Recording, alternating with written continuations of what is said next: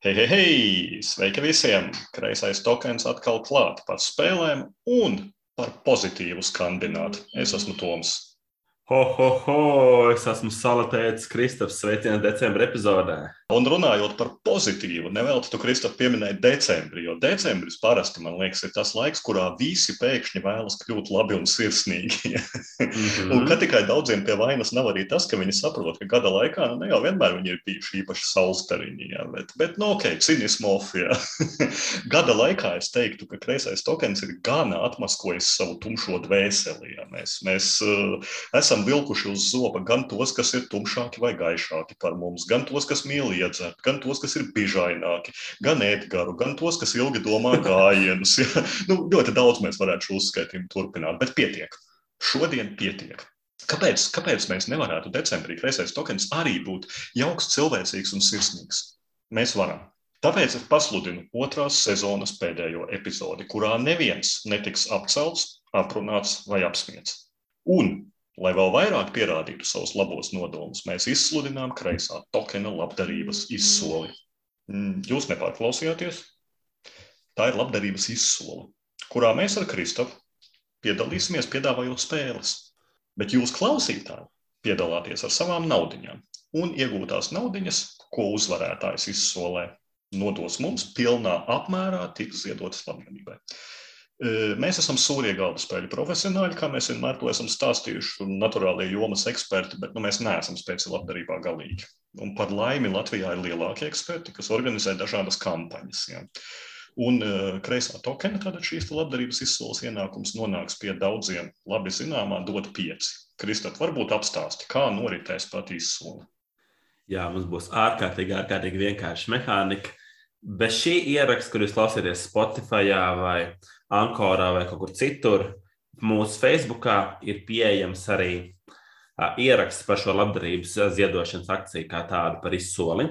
Un tas, kas jums ir jādara līdz uh, 17. decembrim, piekdienai, pulksten astoņiem, jūs varat vienkārši likt likmi. Un tas, kas būs uzlicis augstāko likmi, tas arī uh, varēs mums samaksāt naudu, noziedot. Uh, mēs to naudu pēc tam pārskaitīsim, dot, dot pieci un aizgādāsim divas spēles uh, šim te uzvarētājam un mm -hmm. lielākiem, lab, labākiem cilvēkam, vai ne? Pašam labākajam no visiem, kuri jau tā būs izcili, kuri piedalīsies. Ja? Un, mm -hmm. un, un kas tad ir tās spēles patiesībā? Tātad mums ir divas jaunas spēles iepakojumā. Un uh, viena no tām spēlēm ir Norija, Spēle par lidojošām salām, gaisa kuģiem, elegantā steampunk žanra universā ar visai inovatīvu mehānismu, wheel building, kas varētu teikt, rata būvēšana. Ja Kristaps noteikti teikt, tas pats deckbuildings vien ir kārtējais, bet nav. Tas ir pilnīgi savādāks.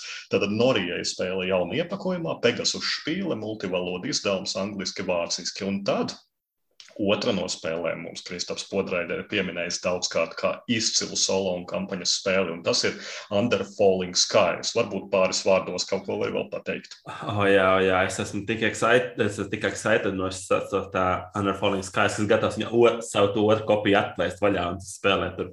tur bet mazliet nedrīkstēsi darīt. Nedrīkst darīt. Šo lielisku, šo kopiju dabūs kāds lielisks, lielisks cilvēks, kurš dabūs arī otru spēli. Tā ir viena no divām spēlēm, kuras es ielicis desmitnieku vērtībā, un viņa ir absolūti, absolūti lieliska solo spēle un ļoti foršs puzles.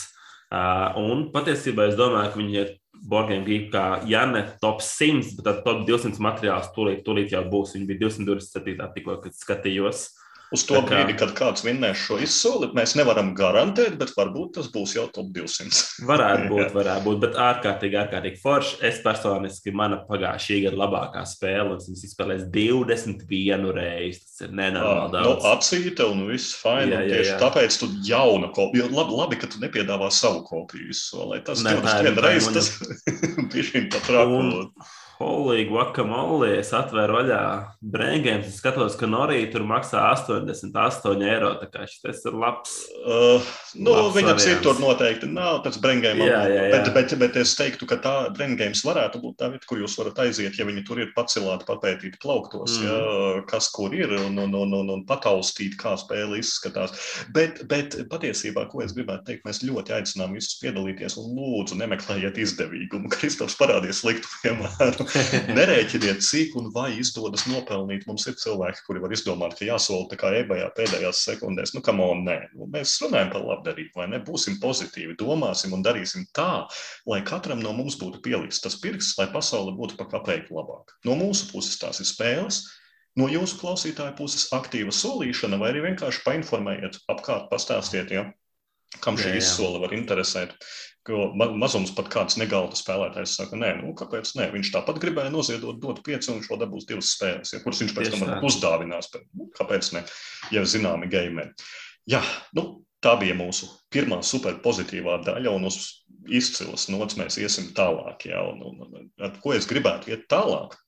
Kreisā tokena podraidē mēs pa laikam pieminam dažādus klausītājiem zināmus un nezināmus cilvēkus. Ja. Es domāju, ka neskaitot abas Kristīnas, nu viņas ir top, top of the top, jā, pārliecinošs līderis ir Edgars. Vai pieminēšana ir bijusi labā nozīme? Tas jau ir cits jautājums. Jā. Ar tādiem pseidonīmiem, vai ne? Jā, jā, jā, bet ne par to ir runa. Ne par to ir runa. Kreisais tokens turpina tradīciju. Gada beigās mums ir jāuzaicina kāda neslavenība, jo cik jūs varat klausīties mūsu, jā, tāpēc tāpēc mums būs cilvēks no parastās tautas. Jā. Es vēlos jums stādīt priekšā mana lāčplēša melno bruņinieku Edgars. Sveiks, Edgars! Hei, hei, hei, čau visiem! Ugh, prieks tevi dzirdēt, ka tu esi ieradies pie mums, un ar ko tad Edgars ir īpašs, pirms viņš pats kaut ko sāk vēl teikt. Ar ko viņš ir īpašs? Izņemot būšanu īpaši negantam spēlēs. Ja? Es gribu teikt, ka viņš un Daina ir iemesls, kāpēc pirms pieciem pusgadiem sākās tāds pasākums kā Jāgalas galdu spēļu klubs. Jēgais, kā mēs to pieminam tokenā bieži. Ja? Un it kā, it kā tas nekas sevišķs, vai ne? Kā Slakteris teikt, nothing special. Ja? Tāpat katram no mums bija, ko spēlēt pirms tam. Bet, bet tikai lai minētu vienu piemēru, ļoti maz ticams, ka mēs ar Kristofu būtu samanģējuši kreiso tokenu bez gan aktīvas komunikācijas pirms tam iegājis kā ietvaros. Ja? Un, un, un man ir smaga sirds. Es nevaru, es nespēju to atzīt, bet arī Edgars ir kaut kāda sava loma. Ja, šādā nopietnā un fundamentālā pasākumā, Kristof, vai tu vari vēl kaut ko pateikt par Edgars, pirms es viņam pašam beidzot kaut ko ļaušu teikt? O, jā, tas, ka mums ir tas klubiņš, ir absolūti, absolūti lielisks. Un patiesībā man liekas, ka uh, viņš ir tas, tāds baltais tēvs galda spēļu zemgājas reģionā, kas tur staigā. staigā un, bet to zinu spēļu zināšanu, un patiesībā arī tie ir tik forši. Baltais un... tēls, es esmu tikko labā bruņiniekā. nu, bet viņš tā kā gendāls, viņš pārdzimst vienkārši oh, reinkarnējas pēc tam tālāk. Un, Uh, un nākamais atkal baltais tās līdz atkal nokrīt, nokrīt līdz apakšai. no jā, jo Edgara attīstība ir pa spirāli. Jebkurā gadījumā pie iegājas kā tematikas mēs vēl atgriezīsimies šodien pēc tam, bet vispirms es vēlos pēc kreisā tokena labākajām tradīcijām iztaujāt mūsu kreiso ciemiņu. Edgars, vai tu esi gatavs? Protams. Tev ir jautājumi. Pirmais jautājums - kauliņi vai kartiņas? Kartiņas. Kāpēc? Mm, vairāk patīk spēles, kur ir kartiņas. Uh, ļoti, ļoti labi. Tev nepatīk Dice Forge, ja?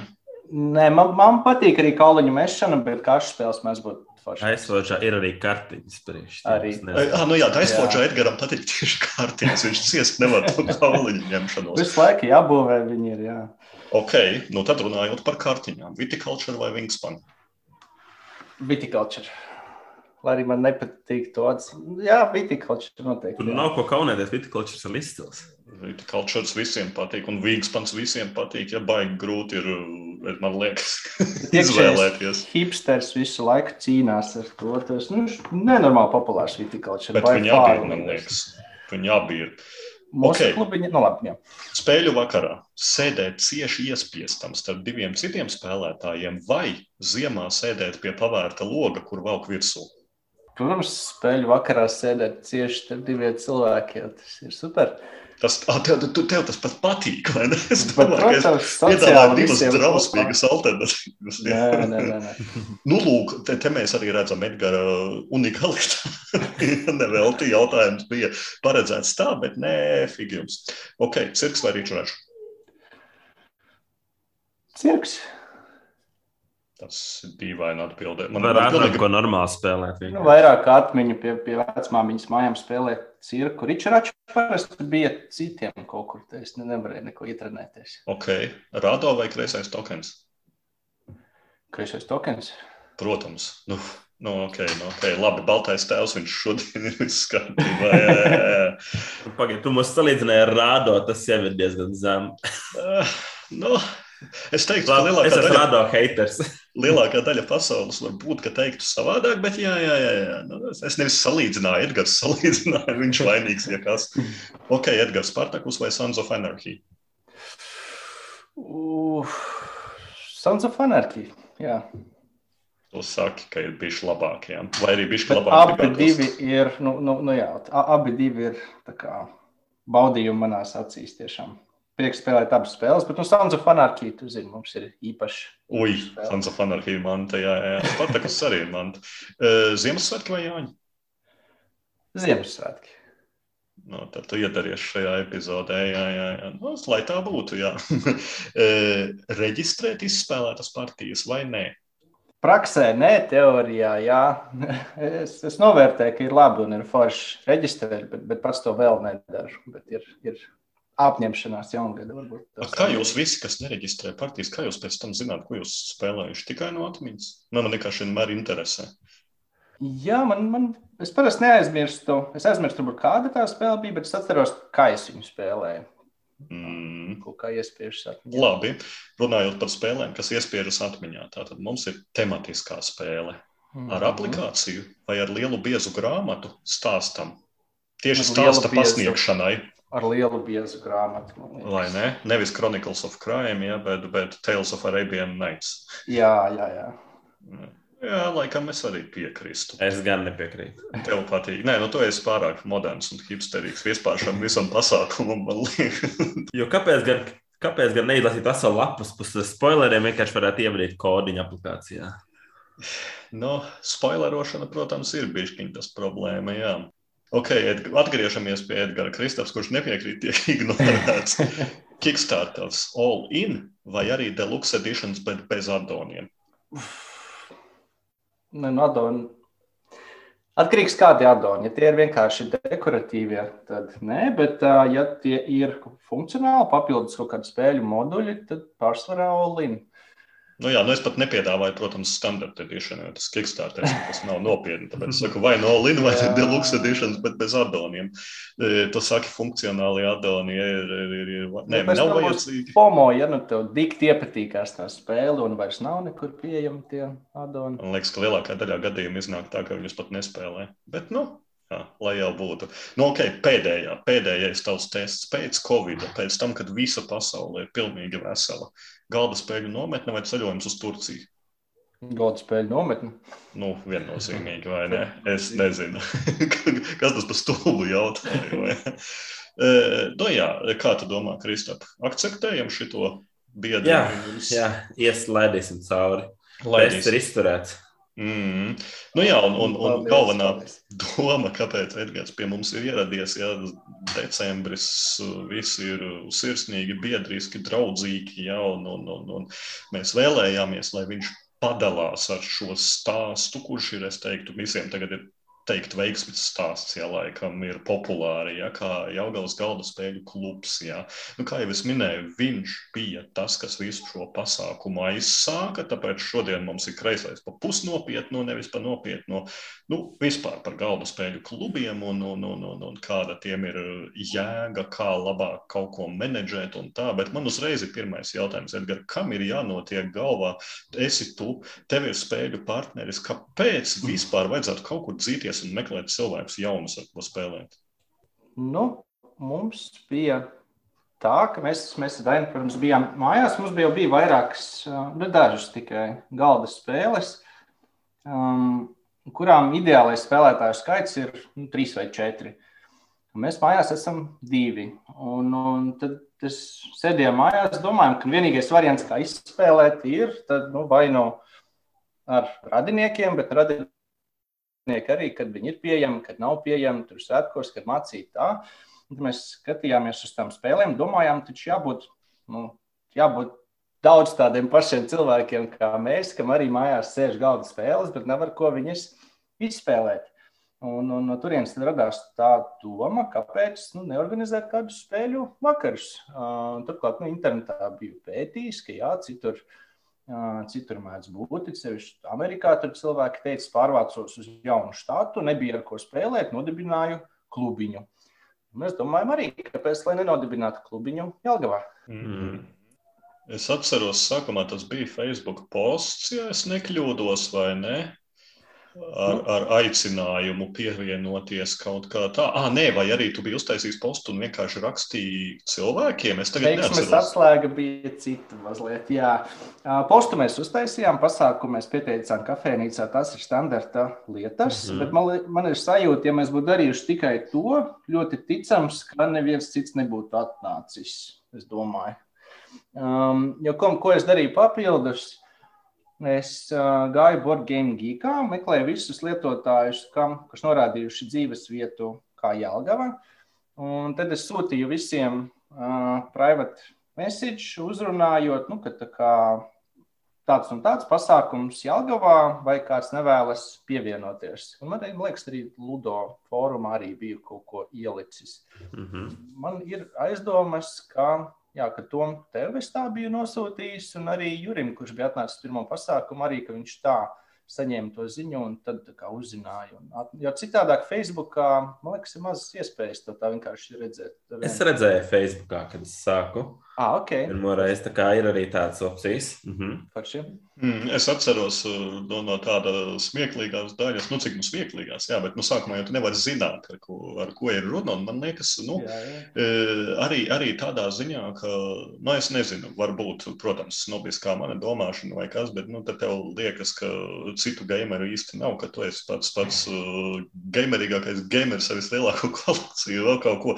Protams, ka tu zini, ka ir brain games, nu, ir, ir tur ar pasākumiem un visu ko, un ka ir Latvijā gameri, ja, bet, teiksim, ja tur kāds Facebookā paziņoja, es atceros, kad bija tā runa, ja, nu tad arī par ko mēs bišķiņi pasmējāmies ar Kristīnu, pozitīvi pasmējāmies. Ja, bet, kad uh, mēs laikam nevarējām tikt sešos sākumā, un mēs teicām, ka mēs būsim ap septiņiem kaut kā tā, vai arī vēlāk. Nu, katrā gadījumā ne pēc sākuma noteiktā laika, ja, un tad Edgara Daina. Ja, Viņa atbildēja, ka nē, nē, droši var nākt vēlāk, ka mēs spēlēsim vismaz līdz astoņiem. Ja? Tad, mēs, tad mēs pasmējāmies, nu, jā, nu, nu, kas tur tiks spēlēts. Ja? ja mēs atnākam septiņos, un tad vismaz līdz astoņiem, ka, ka tas tiek uzskatīts, ka tas ir baigi ilgi. Ja?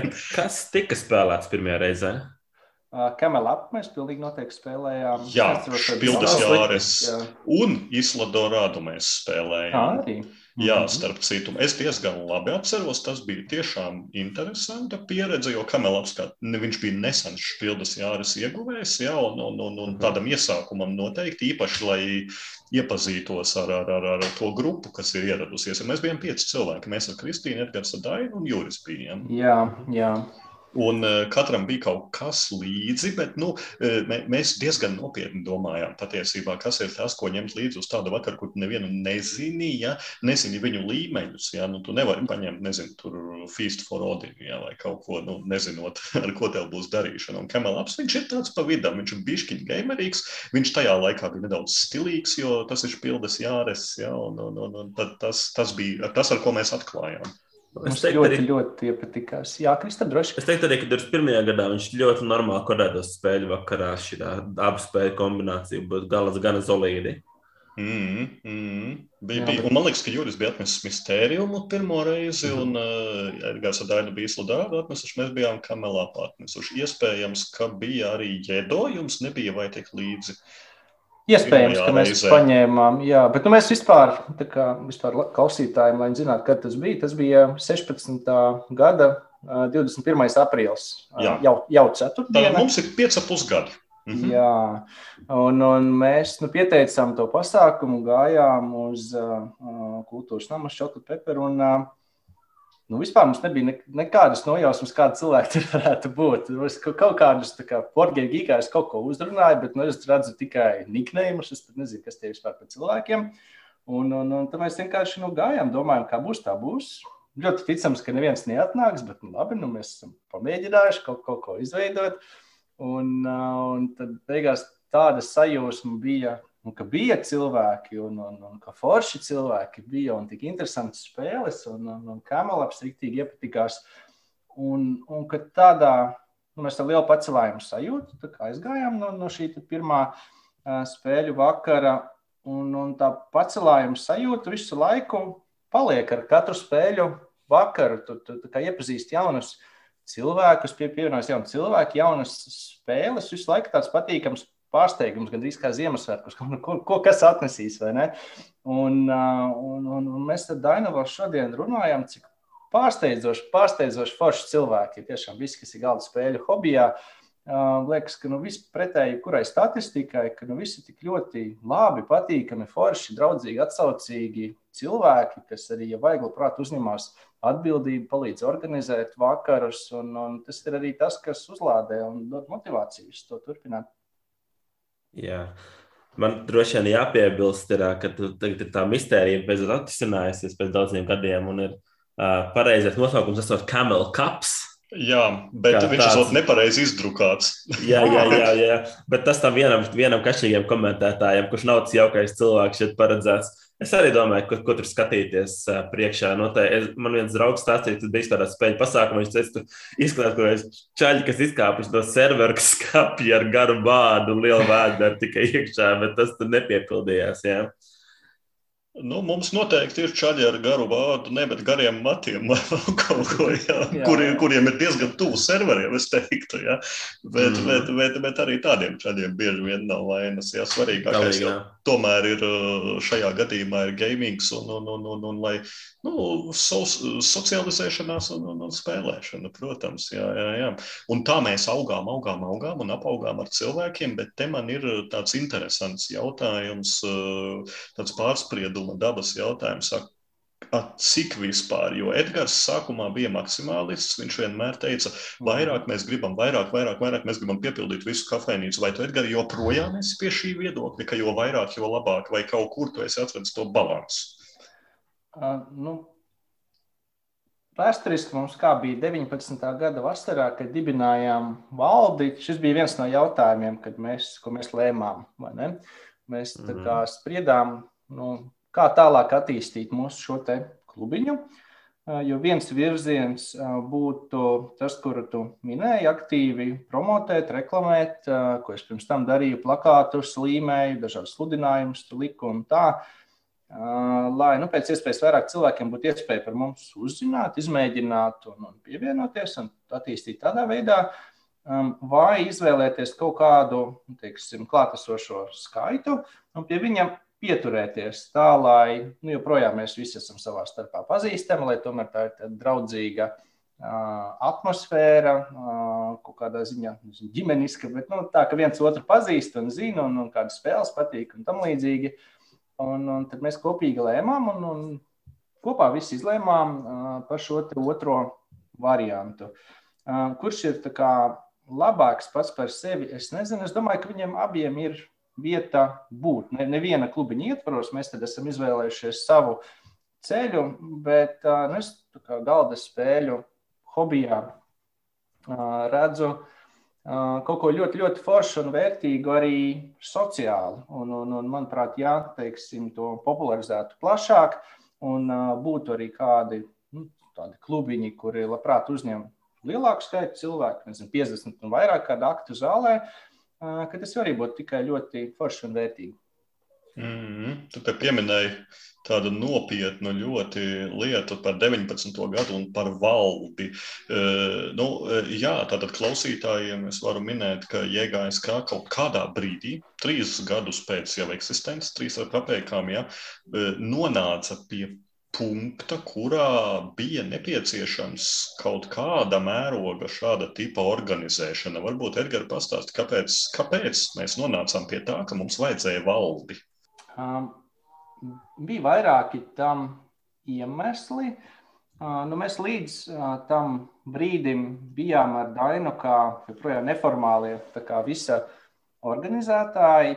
Bet nu, neviens mums nebija iecēlis, tā bija vairāk sagadīšanās. Nu, jūs sākāt, jūs nu, to sākāt. Sākām, jā.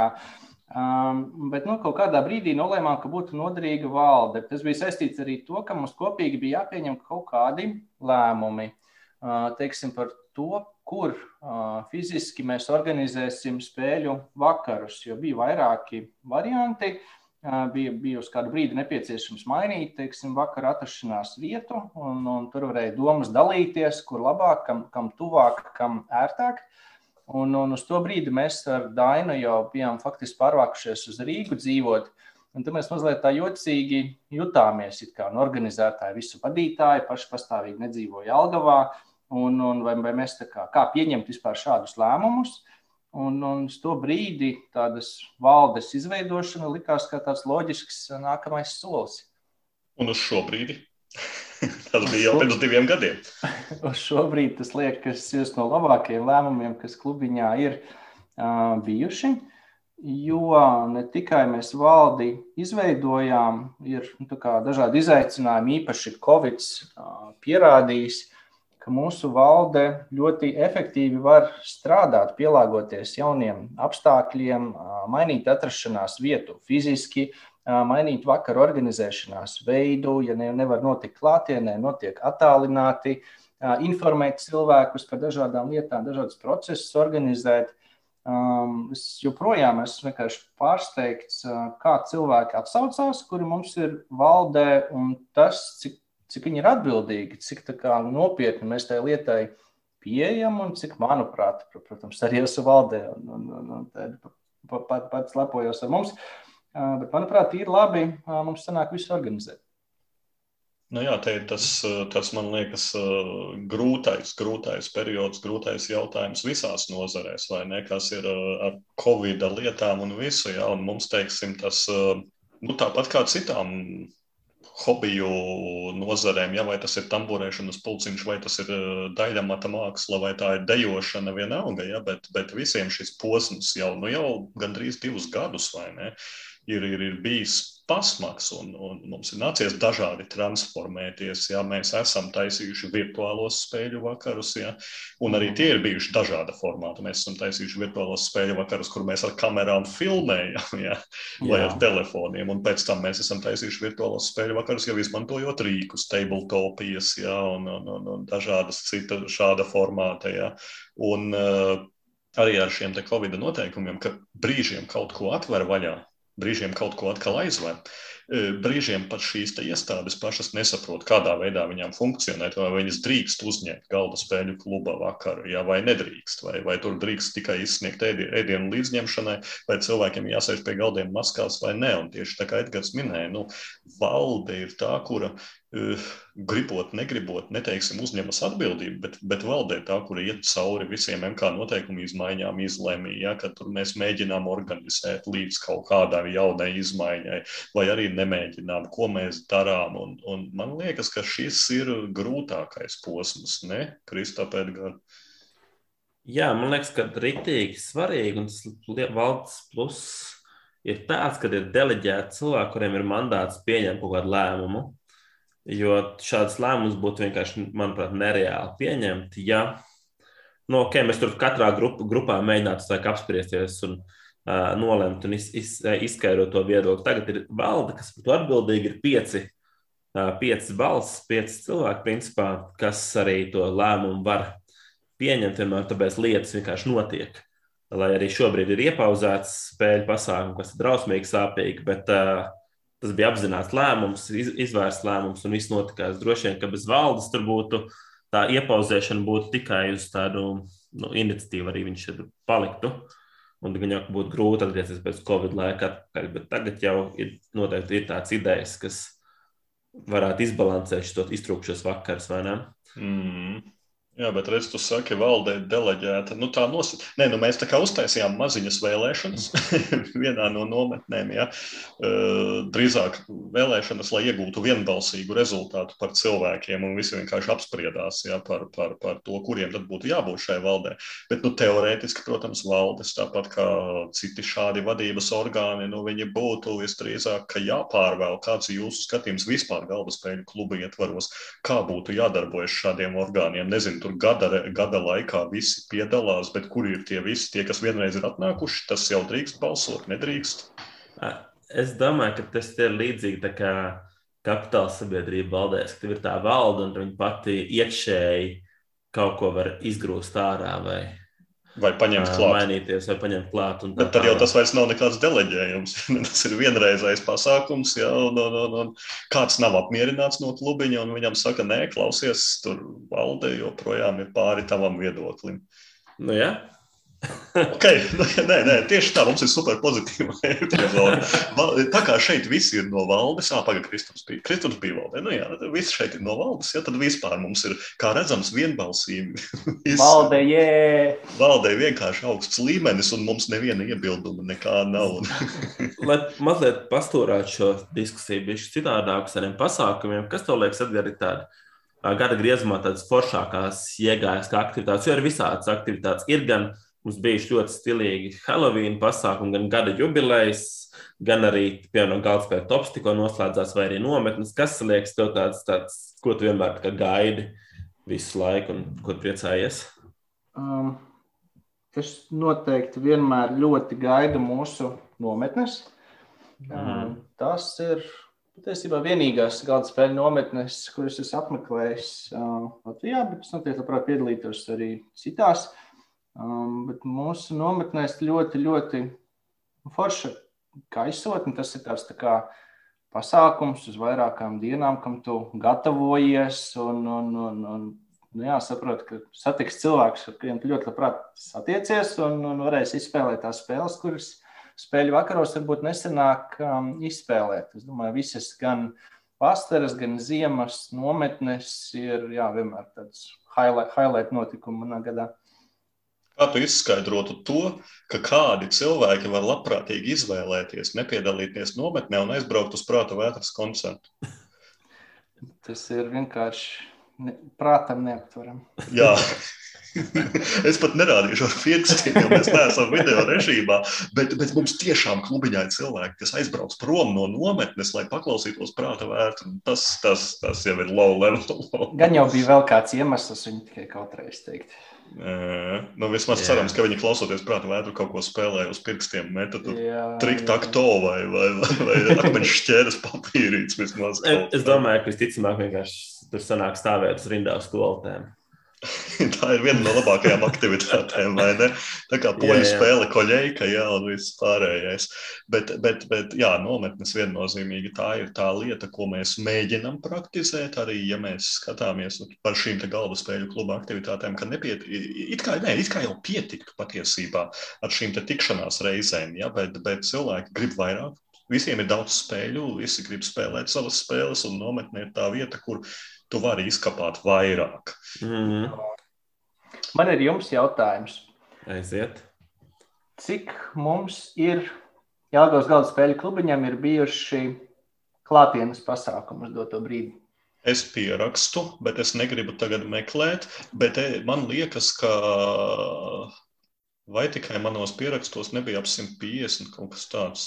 Tev ir jārēķina, ja gadā ir um, 50 nedēļas, 25 gadā reizināts ar 6, 150. Nu, plus mīnus. Būt, jā. Bet es nezinu par klāti. Es, es gan reģistrēju arī virtuālos. Patiesībā jūs parunājat kaut ko citu, un es atradīšu pie sevis. Vai arī Edgars uzdeva šo jautājumu zinot rezultātu? Zinot, protams. -hmm. Ok, tad saki, lai man nav jāsaka. Um, es, nu, es ceru, ka es nepaskrūlēju kādam garām, bet man sanāca 114 klātienes pasākumi un mm -hmm. 20, 28 attālinātie pasākumi pasākumu. Jā, jā, jā. Nu, tas 20, izklausās reāli. 20. gada 27. februārī bija mūsu simtais klātienes spēļu vakars.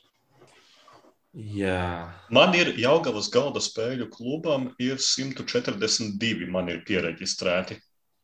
Cik tev bija 138 kopā? Nu, kopā virtuāli ar šitiem.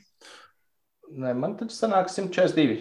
No, nu, nu, lieliski, tad mūsu statistika pat sakrīt. Tas ir unikāli. Ko, pat, ko, ko, ko, ko tomēr tā valde ir spējīga. Jā, jā, jā. jā. 142 pasākumi, jā, tas, tas nav maz.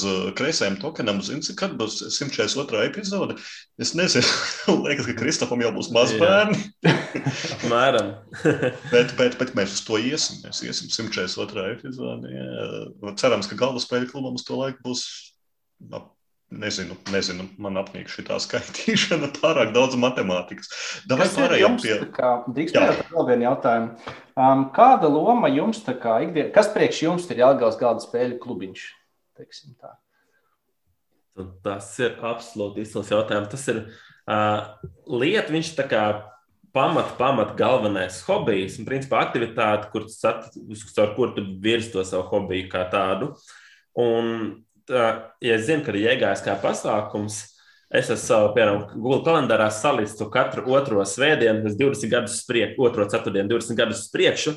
Un es rēķinos, ja man ir pasākums vai seminārs, jāvar es nelieku tajās ceturtdienās, kā tāds zina, tas ir obligātais. Nē, mums ir tā, reize. ka viens otrs iet pie zobārsta ļoti bieži. Es pat neteikšu, ka tas būtu Edgars. Parasti iet pie zobārsta tajās dienās. nu, es domāju par jums. Jā, nu, jā, jā, jā nē, pareizi. Ja tu tur sēdētu ar sliktiem zobiem, tad arī. arī. Nē, nu, man, man, man zina, kā ir. Um, es, es diezgan bieži. Angļiem ir tāda, latviešiem es pat neteiktu, tā, tas būtu tā cīnīšanās, bet nē, es bieži stragloju. Jā, tā, tā, tas vārds struggle man liekas, tāda, tāda stīvēšana, cīkstēšanās ar to, kāda tipa gameris es esmu. Jā. Un tikai pirms kaut kāda gada vai diviem es nonācu saskaņā ar sevi. Jā. Un tās saskaņas nonākšana nebija tik vienkārša. Es neteiktu, ka es tāds gribu būt gameris, bet es esmu. Ja? Man, man, man, man vajag uh, šo jauno pieredzi, man vajag jaunās spēles, grozies kā gribi. Ja? Es esmu gatavs izkapāt labu spēli vienreiz, divreiz, trīsreiz, varbūt piecreiz, bet man vajag jaunas. Es neesmu no tiem, kas, tu teiksim, paņem. Tagad mēs spēlēsim šo spēli, jo viņi mums visiem ļoti patīk. Mēs viņu spēlēsim katru nedēļu, ja 20 reizes. Ja. Nu, nav. Un, un uh, man līdzinējā šī galda spēļu grupa, nu, viņi ir tā tipa spēlētāji. Ja, vienkārši mm. savādāks profils. Un man galda spēļu klubs nu, viņš, viņš dod man to spēlēšanai, kas, eh, kas, ko, ko es sapratu, kas es esmu. Ja tu ej, tu iemācies jaunas spēles, tu parādi savas jaunās spēles, tu viņas izspēlē. Ja? Un, un, un ļoti bieži ņemot vērā, cik aktīvi cilvēki pērk spēles, un visu spēles mūžs ir divas, trīs partijas bieži vien. Tikai vislabākajiem eksemplāriem tur aizvelk līdz desmit. Ja. Eh, un, un, un galda spēļu klubs, jā, nu, viņš to nodrošina šo pasākumu, ka tu jā. iepazīsti daudz, daudz jaunu spēļu. Tas ir ļoti svarīgi man kā gamerim, tieši no spēļu viedokļa. Nerunājot par cilvēkiem, bet tieši par spēlēm. Mhm. Man liekas, klubs dod to, ka tā ir vieta, kuras var spēlēt uz, nu, uz pilna potenciāla. Principā. Ja bieži vien es mācu cilvēkiem kādu spēli, ko es esmu spēlējis, Uh, un tad es arī mēģinu kaut kādas jaunas stratēģijas, jaunas ceļus un tā tālāk. Ja tu atnāc uz iegājas skatu, zini, ka tu esi ar, ar, starp haizevīm un ok, tu vari riktīgi mēģināt play your best, spēlēt savu labāko un tāpat tās vienmēr ir challenge. Un man tas diezgan svarīgi. Man ir interesē tādā veidā šāda tipa sacensība. Tas ir forši. Teiksim, ko, ko jūs ieteiktu? Nu, drīzāk Edgars kā pionieris. Ja? Tagad mums ir Džeki Gulbenē, un tad mums ir meitenes saldo, ja, vai vēl kaut ko. Viņi domā, nu, jā, nu, mēs arī gribētu savā pilsētā izveidot kādu ceļu viņiem, iet tādu pašu kā tu, Edgars, meklēt Boardgame geekā nu nebūs tur useri, kuri būs ierakstījuši, ka gulbenē dzīvo. Jaugava tomēr ir paliela vieta. Nu vienalga, nerunāsim, varbūt, pieņemsim Valmieru. Ja Valmiera ir gana liela, varbūt, ka viņiem ir galda spēļu klubs, es nezinu, ja, ja ir, tad komentējiet, rakstiet, bet idejiski citās Latvijas pilsētās kādu ceļu būtu jāiet, lai nonāktu tur, kur ir iegājis kā kaut vai tur vai labākā vietā.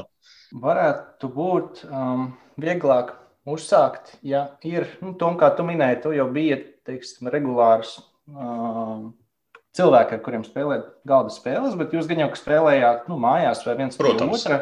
Mm -hmm. un, un tad viegli izmaiņa, ko var ieviest, vienkārši tos pašus kopīgos spēļu vakarus organizēt kādā publiskā vietā, kādā kafejnīcā, mm -hmm. kādā foršā vietā. Un, un par to, kā atrast labu vietu, kur spēlēt, ir vēl cits stāsts. Mums tam ir bijis izpētes process. Um, un, un, un, un vienkārši likt uh, arī pasākumus Facebook, ka tad un tad jānotiek spēļu vakars. Jūs jau zināt, ka jūs nu, kaut vai četratā ejiet spēlēt spēles, kuras jūs tāpat jau spēlējat. Un tā ir vienkārši iespēja vēl cilvēkiem pievienoties. Varbūt pat tie ir cilvēki, kas iet garām. Tad kafejnīcā vienkārši redz, o, kaut ko interesantu dariet, pajautā, ko, ko jūs dariet. Nākamreiz varbūt viņi jau pievienojas. Uh, Man liekas, tas varētu būt tāds vieglāks veids, ko uzsākt. Mums ar Dainu viņš nebija pieejams, jo mums pat nebija tāda regulāro cilvēku, ar kuriem mēs spēlētu galda spēles. Uh mhm. -huh. Man liekas, ka tas, ka jums nebija tie cilvēki, ko spēlēt, tas arī bija viens no iemesliem, kāpēc izdevās uzorganizēt. Jo Latvijā tomēr ir, manuprāt, gana daudz tādas slēgtās grupas, kas satiekās tur savu 4, 6 draugi. Viņi neredz to vīziju, kāds ir pienesums, kad nu, ir atverās vaļā publiski kā tāds. Es droši vien arī ilgi domāju, man būtu tāda grupiņa, ko mēs spēlējām četrās spēlēs, pēc tam viens otru iepazinuši. Četri ļoti optimāls cilvēku skaits, vai ne? Uh, priekš kam man kaut ko tur ņemties un taisīt vēl papildus, un kas tie būs pa cilvēkiem un tā tālāk. Tas man liekas tāds uh, veiksmīgs uh, situācijas sakritums arī izveidojās. Nu, arī jā, jā, jā, tas, ka sakrīt spēlētāji arī, teik, nu, ja es skatos, tur pieslēdzas tādi, kam ir milzīgas kolekcijas, un viņiem vienmēr ir spēles, kuras man interesē, ja tur arī un atnes un skaties, mm. ū, tur ir tas un tas, ja, un tam ir tas un tas, un tu pats kaut ko nopēc, kas citiem interesē, ja.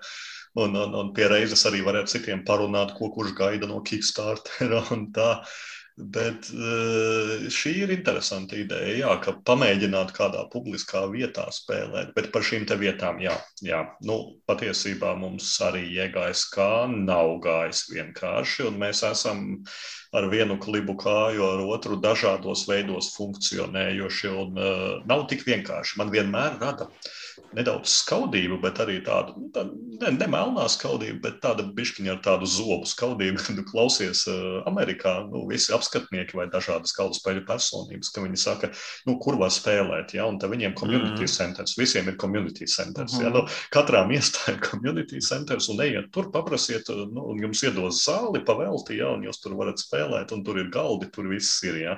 Mm. Nu, mums nav, man liekas, ka mums tuvākais community centeram ir kultūras tautas nami, armija. Ja? Es neticu, ka uz viņiem var aiziet un teikt, mēs tagad nāksim spēlēt spēles. Tur var apkopējāt slotu uzdos pakaus. Varbūt tā nav, varbūt es kļūdos. Jūs kaut ko zināt vairāk par kultūras namiem un, un, un tāda tipa iestādēm.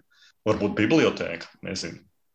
Varbūt varētu, bet par ko es visu laiku domāju? Man liekas, tas, ka mums spēļu vakari notiek kafejnīcā, tas arī nu, ļoti ievirza konkrētā glutnē, atmosfērā, tos pasākumus. Un es nezinu, ja tā būtu vienkārši aktu zāle ar galdiem, vai būtu tikpat forši. Varbūt nu, cilvēki no malas neredzētu, bet nu, es nezinu, cik cilvēki no malas tomēr iesaistās hobijā. Nu, man liekas, ka maz tur ir jāsakrīt interesei un, un, un labiem, sakarīgiem cilvēkiem abās pusēs, gan tajās, kas spēlē, gan tajās, kas iet garām. Uh, Jo, ja tā nav, nu, tad tur iznāk tikai pablēmas, kas tas par dīvainību. Mēs arī esam šajās kafejnīcās spēlējot, ja nu mēs uz mums skatās tomēr pišķiņi tā kā uz dīvainiem diezgan daudzi. Jā. Un, un es pat nezinu, teiksim, tās pašas oficiālas, ja, kuras it kā redz, ka mēs tur nākam, mēs esam devoted, kā angļu saka, un tur tiešām nu, visu laiku darbojamies. Un vai kāda no viņām, piemēram, mums kādreiz klubam pieslēgtos, nu redzot, ka cilvēkiem ir jautri, ka viņi to dara. Nu, nē, Nu, Man liekas, visvairāk interesēs parastās oficiālas, kas sēž čakla pepper. Tur bieži vien nāk kaut kāda džeka, un viņām tur ņem sēž pie bāra lec un tur mēģina uh, sist kantu vai ko tam līdzīgu. Man interesanti, ko viņi tur stāsta spēļu vakarā. Tas būtu reāli forši. jā, liek, noklausīšanās ierīce. Bet, nu jā, mēs te daudz esam pieminējuši čokolātu un peperi, kas ir, nu, mēs ļoti lielu daļu sava laikā esam pavadījuši šajā kafejnīcā Jaungavā, bet uh, arī tas nav bijis tik vienkārši, jo viņiem, piemēram, vienu brīdi viņi izlēma, ka sezona viņiem tur ir beigusies un, un, un durvis var ciet desmitos. Ja, nu. Un, attiecīgi, ja mēs sākam septiņos, un kamēr parāda kāds, kuras spēles ir atnesis, kamēr pārunā, nu, nepaliek, nepaliek laika normāli izspēlēt. Ja. Un tad beigās viņi aiztaisās uz remontu. Mums ir jāmeklē cita vieta. Mēs ejam uz citu vietu, tie atkal pasaka, nu, kamēr mēs. Uh, notiek ziema un viņiem nav standarta klientu pieplūdums, tikmēr mēs esam interesanti. Pēc tam mēs neesam. Meklējiet citu vietu. Ja? Nu, mēs esam šobrīd pabijuši trīs laikam vietās, mm -hmm. vai ne? Jā. Mm -hmm. Šobrīd mēs esam trešajā, ne, šobrīd mēs esam mājās. Ja? bet, bet, bet tas nav, nav, nav, nav nemaz tik vienkārši. Un nav tā, ka gaida šīs kafejnīcas, restorāni, gamerus. Kādi ieteikumi šai sakarā var būt? Nezinu, daudz ēst, daudz dzert. Jā, tas ir galvenais ieteikums. Es esmu bijis Briselē uz spēļu vakariem, kur viņiem ir vietējie arī organizēti ļoti līdzīgi kafejnīcā. Viņam vienkārši ir uzstādījums, ok, jūs esat atnākuši, jums katram kaut kas ir jāiegādājas. To katru reizi pasaka, piesaka un to ņem vērā. Bet, un tas arī mēs to, mēs to esam runājuši. Jo runājot par pašām mēģināšanas iestādēm, viņi arī mums saka, nu, mēs gribam līdz 11. tā ir papildus stundu darbiniekam, un viņi vienkārši man ir runājuši tā, ka uh, okay, viņiem nav izdevīgi, ja mēs neko nepasūtām. Tā, tā, tā, tā realitāte ir. Protams. Uh, nu jā, nu es vienmēr domāju, ir jau tāda varianta, es redzēju, ka uh, vienkārši maksā ieejas maksu. Cilvēks piedalās spēļu vakarā, tu ierodies, samaksā 10 eiro vai, vai kaut kādu naudu. Um, bet es tam vienmēr licies, nu, tā, ka tas var, varbūt būs cilvēks, kuram nu, nav tie 10 eiro, ko samaksāt tajā reizē. Vai tas nozīmē, ka viņš nevar piedalīties spēļu vakarā? Es domāju, ka nē. Un, un tāpēc mēs līdz šim neko līdzīgu pat neesam domājuši ieviest. Um, nu, cilvēki saprot, ka ir, mēs izmantojam telpas, mēs izmantojam citu cilvēku viesmīlību. Un tāpēc ir nu, jāpasūta ēdienu, dzērienu, jo tas ir tas, kā, kā, kādēļ mēs tur varam būt. Tas ir tas, kādēļ mēs neesam aktu zāle, kuru mēs Jā. pat nevarētu dabūt, vai ne? Ja pat ir mm. Latvijā. Bet, bet tas, tas ir svarīgi. Tā ir lieta, ko jāņem vērā. Ja kāds kaut kur veido galda spēļu klubu, ja nu noteikti kas ir tā lokācija un kas ir tas, kāpēc jūs tajā lokācijā esat interesanti. Jo nu, tas, tas ir gimtceļu attiecības. Nu, nu, nebūs tā, ka no gaisa kāds uh, ar milzīgu prieku skatīsies, ka jūs tur bidāt figūriņas pa galdu un treidojat ar kubiņiem. Ja? Nu, nu, nav. Nu, nav. Mm. Ja vien tā kafejnīca ir nezinu, ļoti liela, un viņiem garantēti ir tukši galdi vai vienkārši nu, maza apmeklējamība. Jo, jo tad tu īsti nekonkurē vairs ar citiem cilvēkiem, neaizņem citiem cilvēkiem vietu, tu vienkārši tur nu, papildus esi. Nu, cik daudz ir tādas ļoti lielas kafejnīcas, kurās ir brīvie galdi un kuras, kuras negribētu tur redzēt ļoti pērkošu klientu. Ja? Tas tā. Yeah ir, ir, ir, ir sarežģīts jautājums. Jā, un, un, un arī un mēs esam bijuši brīžos, kad nemaz tik daudz mums nav variantu, uz kurien iet. Jā. Mm -hmm. Jādomā, vai mēs mēģinām baznīcā vai kaut kur. Church group ir diezgan populāri arī Amerikā, kur spēlē galda spēles. Jā, bet jā. baznīcās notiek briesmīgi augsts. Tad dzirdēt, teica, aura briesmīgi. un, un, un jāatzīst, ne, mēs šodien nolēmām būt super pozitīvi, jā, bet aura arī nu, tāda. Jā. Nē, ja mēs spēlētu pret katedrālu, ja, tad, tad varbūt. Tas, par ko es šeit domāju, par tiem cilvēku piesaisti patiesībā. Pavisam nesen bija stāsts, ka labākais draugs arī pārvācās uz Jālgaudu dzīvot. Viņam vajadzēja, man ilgi vajadzēja pielināt un mudināt, lai viņš atnāk uz to spēļu vakaru vienreiz saņemās. Un pēc tam viņš atnāca, viņš nevienu nav, nav kavējis līdz Covid. Līdz Covid mm. iesit pamatīgi. Un tam jauniem cilvēkiem ir diezgan grūti tādā noslēgtā uh, klubiņā patiesībā iesties, jo mēs jau esam atnākuši, mums visiem ir savi iekšējie joki, iekšējā komunikācija. Es atceros, pēc lielās Covid pauzes mums atnāca pieci jauni cilvēki no Rīgas, atbrauca, un nu, viņi nebija absolūti gatavi integrēties. Tā -hmm. pasakā, mazliet mēs ar, arī ar vienu ar, kopā ar zināmo gatu esam vainīgi. Mēs spēlējām trim no viņiem Steampunk Fusion, ko viņi nebija gatavi māc, mācīties. Bet, uh, jā, ir rītīgi grūti, vai tur kaut kāda padoma, kā tomēr panākt arī tādam klubiņam, kuriem ir briedums pakāpes sasniegt, ka nu, viņš ir atvērts jauniem cilvēkiem?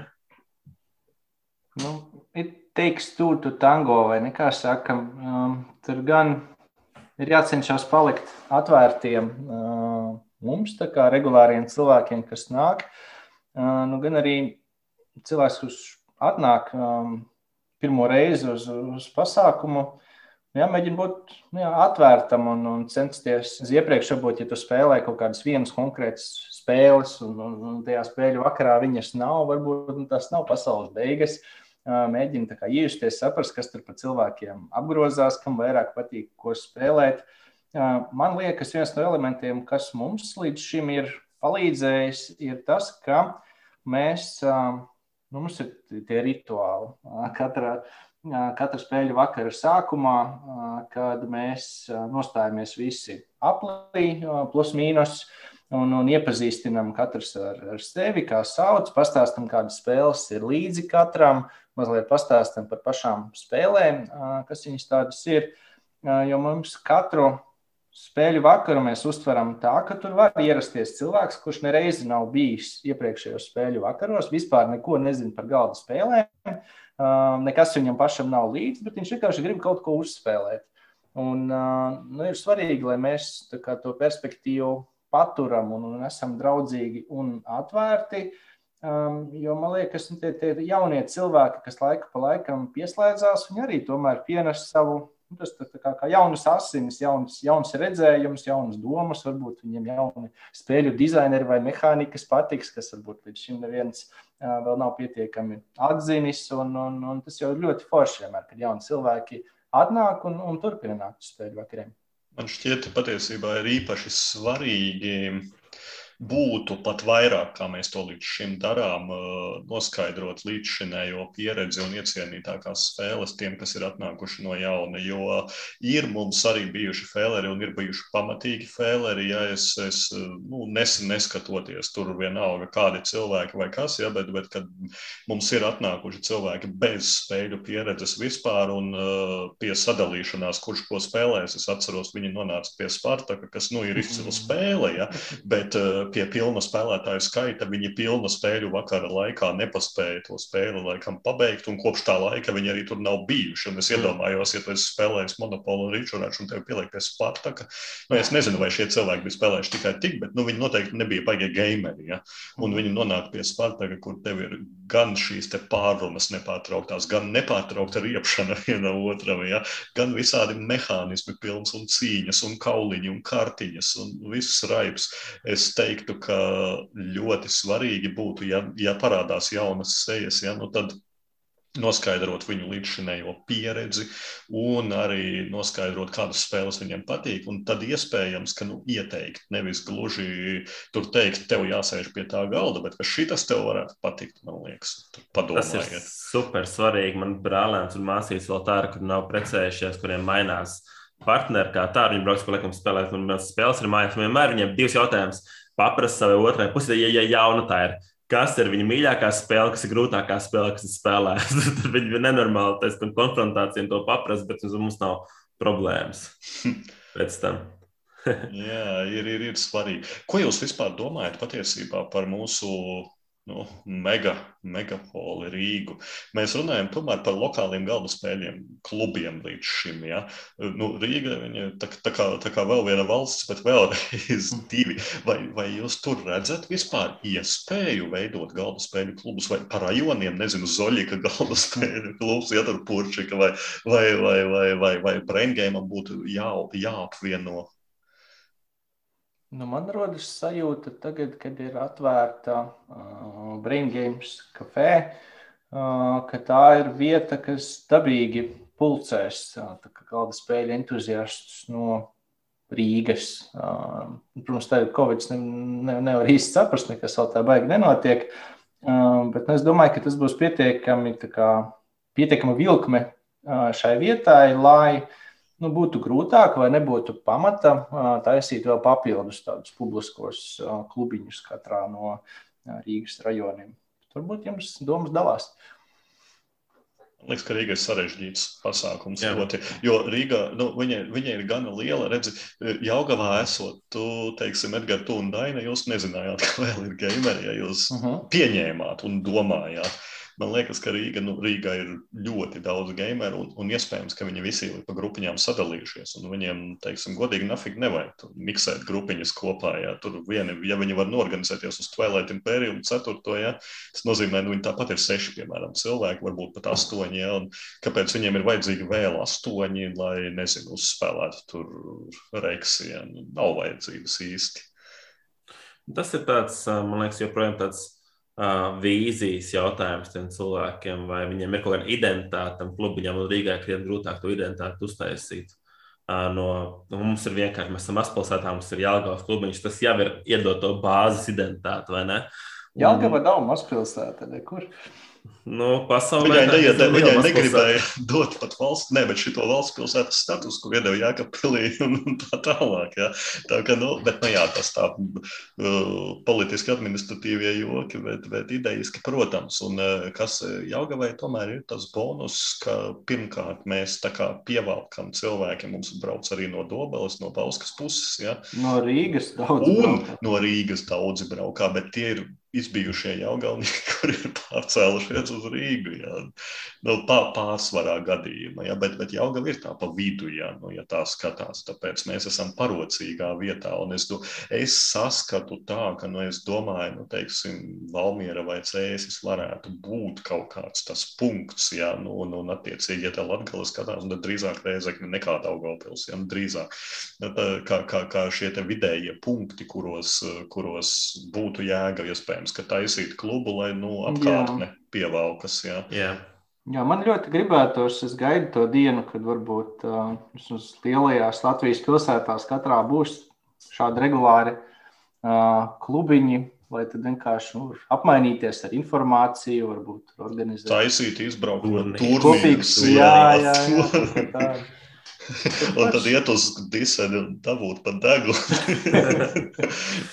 Šitie atbraukuši. Mēs patiesībā nezinām, mēs nezinām, iespējams, ka mēs te runājam pilnīgi bullshit, jā, ka visur jau daudz kur tāda ir un viss notiek. Jā, nu vienkārši mums nav šāda informācija un, un, un, nu. un Mēs to uzzināsim pēc šīs epizodes, apmēram trīs dienu laikā. Ja ir normāls klubiņš, viņš klausās kreiso tokenu, noteikti. Protams. Ko ierakstīs, ja nē, tad tas, nav, tas neskarās kā klubiņš. Jā, bet, bet mums, man liekas, ka par daudz mēs, mēs vēl atgriezīsimies pie iegājas, kā ticiet man. Bet, bet varbūt mums ir idejas vēl kaut kādiem bezsakarīgiem klubiņiem, nevis, nevis Valmieras, Rezeknas un Jaungals galda spēļu klubam, bet, bet, bet, bet piemēram, kādi, kādi klubiņi varētu būt tādi, kuros jūs gribētu piedalīties? Nesaistīti galda spēlēm? Nesaistīti, nē, varbūt saistīti, bet, bet neiegājas kā. wow. Valkas, Valgas apvienotais klubiņš. Uh, tas ir, lai pārmestu alkoholu no Skandinavijas puses un iztirgotu. Ja? Kur iedomājas četri cilvēki, divi runā latviešu, divi igauniski. Jā, jā, tur man atgādina Kristofru šo brālēnu masīvu, ja, kuri maina partnerus, kā es sapratu. Jā, jā, jā.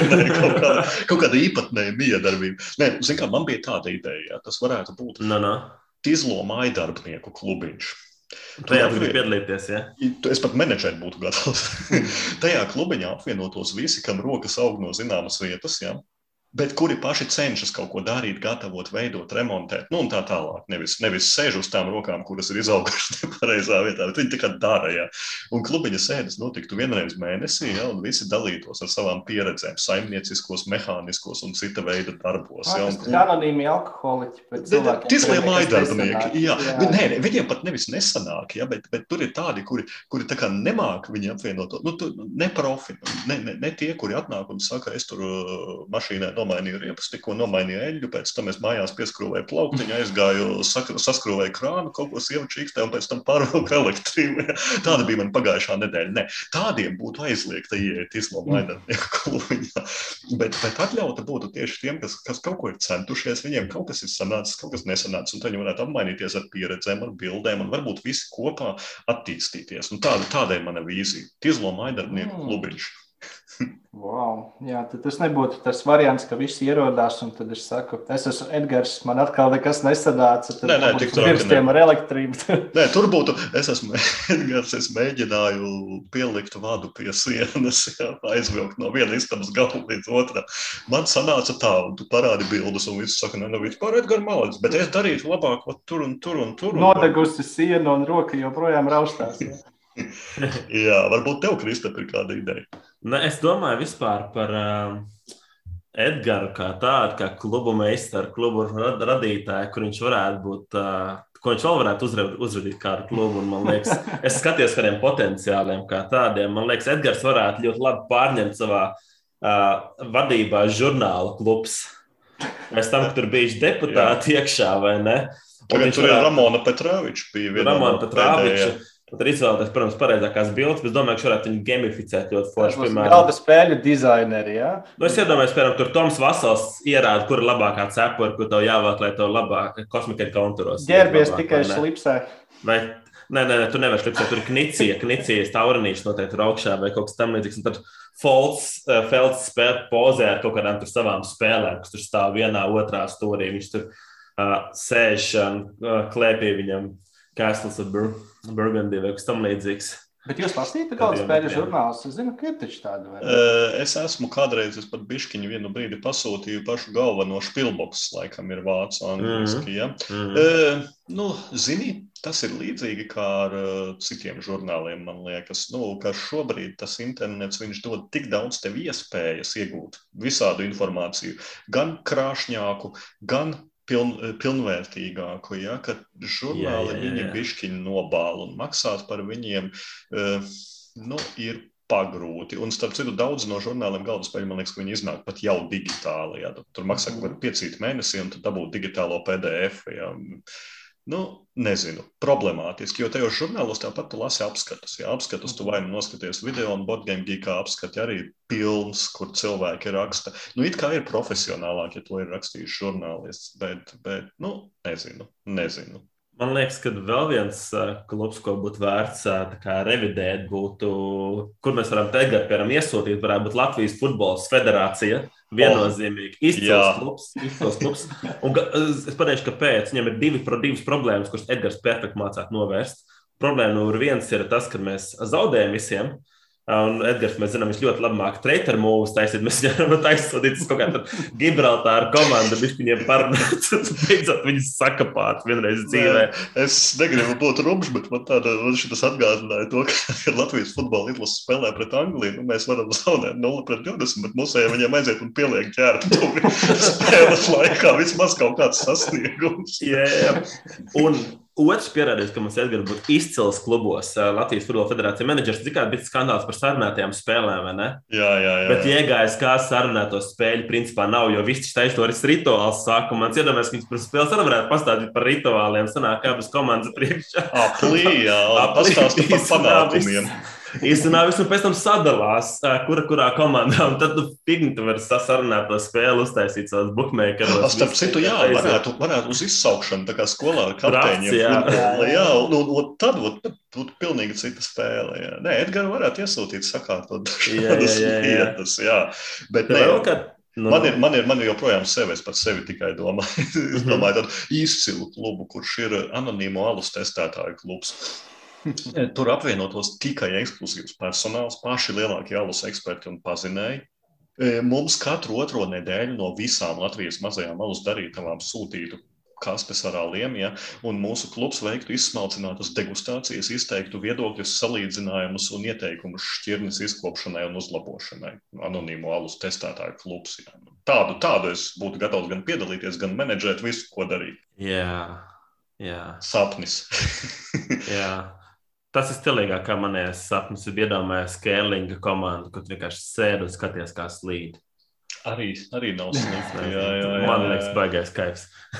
bet Kērlings, jā, Kērlings tur kaut kad baigi gribētos pārbaudīt, bet, bet es laikam negribētu būt tas, kurš ar slotu tur ledu. Tā kā jā. Ok, bullshita muļķība, visa kā pietiek. Zinu, ko mēs varētu vēl bišķiņu parunāt. Mēs varētu parunāt, ja jau mēs runājam par Jaugavas galda spēļu klubu, mēs izrunājām par viņu krustu šķērsu. Ja? Viena no jaukajām tradīcijām, ko ir iedibinājis Kristaps, nevis Edgars, ļaujiet jums mhm. piezīmēt, ir eh, katru gadu veidot top Jaugavas galda spēļu top 20 spēles. Ja? Un arī šogad šīs tops bija. Uh, ko tu, Kristof, vari mums par šo topu pastāstīt? Pastāstīt. Šis bija piecgadus jubilejas tops, un pēc tam baigā apakšgrupu izspēle un ar balvām un tā tālāk. Un tas bija vesela ņemšanās, bet tas, kas nu, visiem interesē, ir principā, kas te topā notika. Tāds, un es mm. atzīmēju tādas vairākas lietas, kas ir interesantas.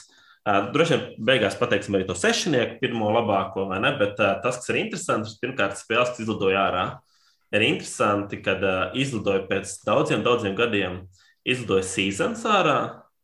No 17. uz 77. vietu bija ļoti ilgi noturējies. Tas ir lielākais brīnums, viņš ilgi noturējās kā tāds. Tas ir lielākais brīnums, viņš beigās izlidoja. Man liekas, tā likuma sakarīga, ka Rising Suns izlidoja.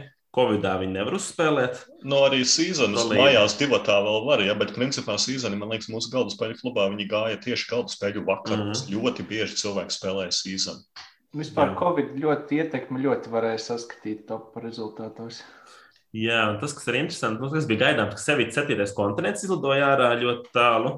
Nu, tas ir skaidrs, ka viņam bija jāizlido. Nu, un iziet tas, un viss, protams. Jā, tas, kas bija pārsteigums, kad The Isle of Cats Pilnīgi, Tik ātri izkrita. Jā. Tas bija tieši tas, ko es teicu. Nevienam tie kaķi nemaz nepatīk. Tikai tāpēc, ka tur ir kaķi. Viņš bija pagājušajā gadā ticis uz 16. vietu. Tagad jā, viņš jā, jā. ir 184. Es atvainojos, tas ir vairāk kā desmit reizes zemāk. Un nevienu balsu viņš nesaņēma. Mums kopā tajā topā veido 16 cilvēki.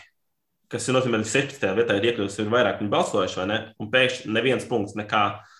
19 cilvēki bija topu šoreiz. Jā, jā, jā. jā, jā, jā, jā. Nu, lūk, uh, Tas ir tas, kas izlidoja.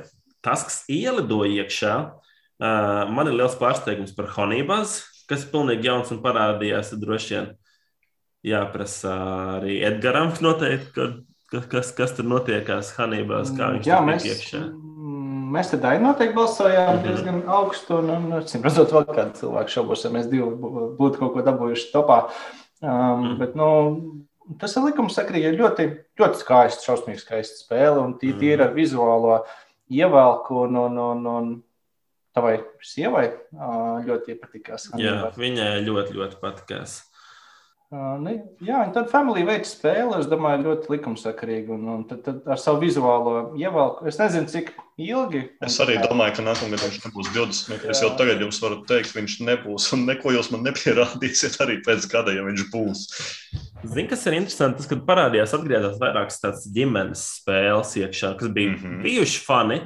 Uh, uh, populāras spēles. Viņas atgriezās tikai Rice 20. vietā, un 10. vietā atzuls atgriezās. Mm -hmm. Tas ir parāda, tomēr, ka mēs mazliet spēlējam citiem cilvēkiem, varbūt bišķīt. Iespējams, nevis kluba ietvaros, bet mm -hmm. tad, kad varēja satikties ar ģimenēm vai kāds mājās ar bērniem vairāk spēlē, varbūt vēl tā, ka tieši tā, tikai aicis, es domāju, no tāda tipa, es teiktu, nē, nu tas pats gan Šon Klevers, viņš nekad nav kritis ārā. Bet, jā, un kvaka arī turpat tās stāv. Un... grozās, pa, protams, pa virspusi. Smieklīgi, ka Seven Wonders Wonders nomainīja Seven Wonders duelu, kas samainījās. Tas ir spilgts paraugs Covid. Jā, jā, jā. Seven Wonders vietā ir Seven Wonders duels. mm. Un vēl ir interesanti, man tie trīs lielākie pārsteigumi, kas nosaukšu. Pārsteigums numur viens, ka Grand Austria hotels iekļuva iekšā. Es vispār neesmu ne dzīvē spēlējis, ļoti, ļoti gribētu, bet wow, viņš savās daudz, daudz balss un ienā, ierindojās 14. vietā. Tas, tas ir fenomenāli. Um, Otrais man pārsteigums ir Orleāns augstā vieta. Septītā vieta, tas arī negaidīti. Nu, viņi dabūja bišķi balss arī no manis, uh, bet tāds pāris punkts. Bet uh, interesanti, viņas laik bija tā kā, ir tāds spēles, kas ir uh, tops plus, kas visu laiku grozās apkārt, vairāk vai mazāk, piemēram, tā pati Concordija vai Five Tribes vai Coimbra, kas ir nu, pirmie 30 kā vienmēr iekšā. Un Orleāna arī bija pirmajā 50 iekšā. Tagad viņi pēkšņi ņem un ielido topā septītajā vietā, nezinu, no kurienes. Uh, tas ir kosmos, un pēdējais mans kosmos ir, uh, bet to es saprotu, kāpēc tas ir True Age, a New Story of Civilization. Latvijā tas bija ir... turnīrs. bija turnīrs. Un es nezinu, jūs esat spēlējis, es esmu spēlējis True Age, un droši vien, ja es šogad būtu izspēlējis, man ļoti patīk spēlēt pēc kādiem gadiem, septiņiem. Ja es izspēlētu viņu vēlreiz, droši vien viņa kaut kādā topā ienākt iekšā. Ja viņi izspēlē, viņi tev ienāk, un tad viņi tev grīmst visu laiku uz leju. Es domāju, ka šī no tām spēlēm ir. Es tieši priekš sevis biju atzīmējis īstenībā arī interesantās lietas, un, un mm -hmm. tas tieši bija pierakstījis, kuras tu minēji par, par Orleānu, True Dieģus man pārsteidza. Um, vēl Terraforming Mars, man liekas, mazliet interesants, cik viņi ir augsti, ņemot vairāk spēļu vakaros, nemaz tik bieži neparādās. Un ņemot vairāk, tā nav īsti laba spēle, vai ne? Jūs visi smagi kļūdāties. Nē, Edgars nekļūdās. Edgars pēc būtības ir nepareizs. Kristaps smagi kļūdās. Nē, nē, terraforming Mars viņš jau pagājušo gadu sitās pat pirmo vietu līdz pēdējai minūtei. Kristaps atceras, ja, tā ka mm -hmm. viņš, ir, viņš ir augšā un, un nevelti viņš ir augšā, jo tiešām daudziem spēlētājiem viņš patīk un nav jau svarīgi, vai viņi spēlē iegājas kā ietvaros vai mājās vai mm -hmm. solo. Piemēram, es zinu, man liekas, ka Dace vai Valters saka, ka tā ir vislabākā solo spēlē. Ja, tā, ka, nu, Būs ir, interesanti ir, redzēt, kā Ares Expedition vai maina šo. Es domāju, ka nemainīs un es patiesībā nezinu, cik daudziem viņš ir. Latvijā, cik daudzi viņu kickstartoja. Ne, it kā teorētiski gan jau, ka vajadzēja būt, ka kickstartoja, bet, bet nav dzirdēts, ka kāds teikt, o, man re, kur ir arēs, es te baigi graizu arēs. Ja. Mm -hmm. Nu jā, un tad nu, tas pirmais sešinieks, ko es arī nosaukšu, ir sastāvdaļa brāzs sērijas. Es viņus lieku kopā. Abas divas. Jo pārsvarā cilvēkiem patīk vairāk Birmingems, bet uh, ka Lančārs patīk. Bet viņiem tāda pat atšķirība droši vien, man, manuprāt, manā skatījumā, viņam tik liela atšķirība, ka tiketu raida uh, Eiropa ar kaut kādu tiketu raida Šveici. Bet es brīnos, cik ļoti cilvēki uzstāja. Tie, kas uzstāja, uzstāja ļoti, ka viens brālis ir labāks Jā, par otru. jā. Nu, es absolūti neuzskatu. Nu, es arī uzskatu, ka tikai tur raida Eiropa ir daudz labāk par tikai raidu parasto. Ja. Tā kā es arī varu uzstāt, un es varu pilnīgi droši teikt, ka tā ir. Ja. Jā. Un Piektajā vietā ir True Ages. Ceturtajā vietā pēc daudziem, daudziem gadu līderības saites nokrities. Kas es pieņemu, ka ir līdzīgs iemesls kā Rising Sunam, un saitam ir potenciāls uzkāpt atkal augstāk. Trešajā vietā ir pamazām Terraforma Mars, bišķi nokrities. Un otrajā vietā, un pirmajā vietā, droši vien, otrajā vietā likumsakarīgi Wingspans ar savu latviešu versiju, mm. tikko ienākušo. Tas bija liels pretendents, kas tikai no trim punktiem. Wingspans dabūja 132 punktus, un pirmā vieta Viticultures dabūja 135 punktus. Un fun fakts, ka Viticultures tā arī nekad īsti nebija uzvarējis. Viņš vienmēr bija pašā augšā, pašā Jā, jā. augšā. Jā. Un Ļoti tagad- daudz reizes otrais, un tas beidzot notika. Viņš tā kā kaut kādi vecie cīkstoņi, kas tur liekas, ka viņš jau ne, ne, ne, neuzvarēs, bet pēkšņi ņem un izceļ medaļu, medaļu olimpiādē. Tā Rokijs. Tā, kā tā bet tā, kopumā es gribētu teikt, ka uh, ir 20 absolūti lielisks spēles, un tie, kas grib iesaistīties sīk, sīkāk, mums uh, Facebook ierakstā arī links uz topu.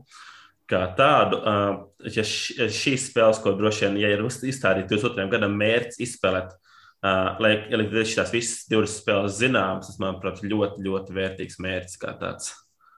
Mums ir jātaisa tā kā Borgēmija, kam ir kalendārs be- beigā gā top 100. Mēs varam taisīt iegājas kā top 20 kalendārs, kur ir jāizspēlē pa nākamo gadu. Mm. Izņemot nemēs, to var nespēlēt.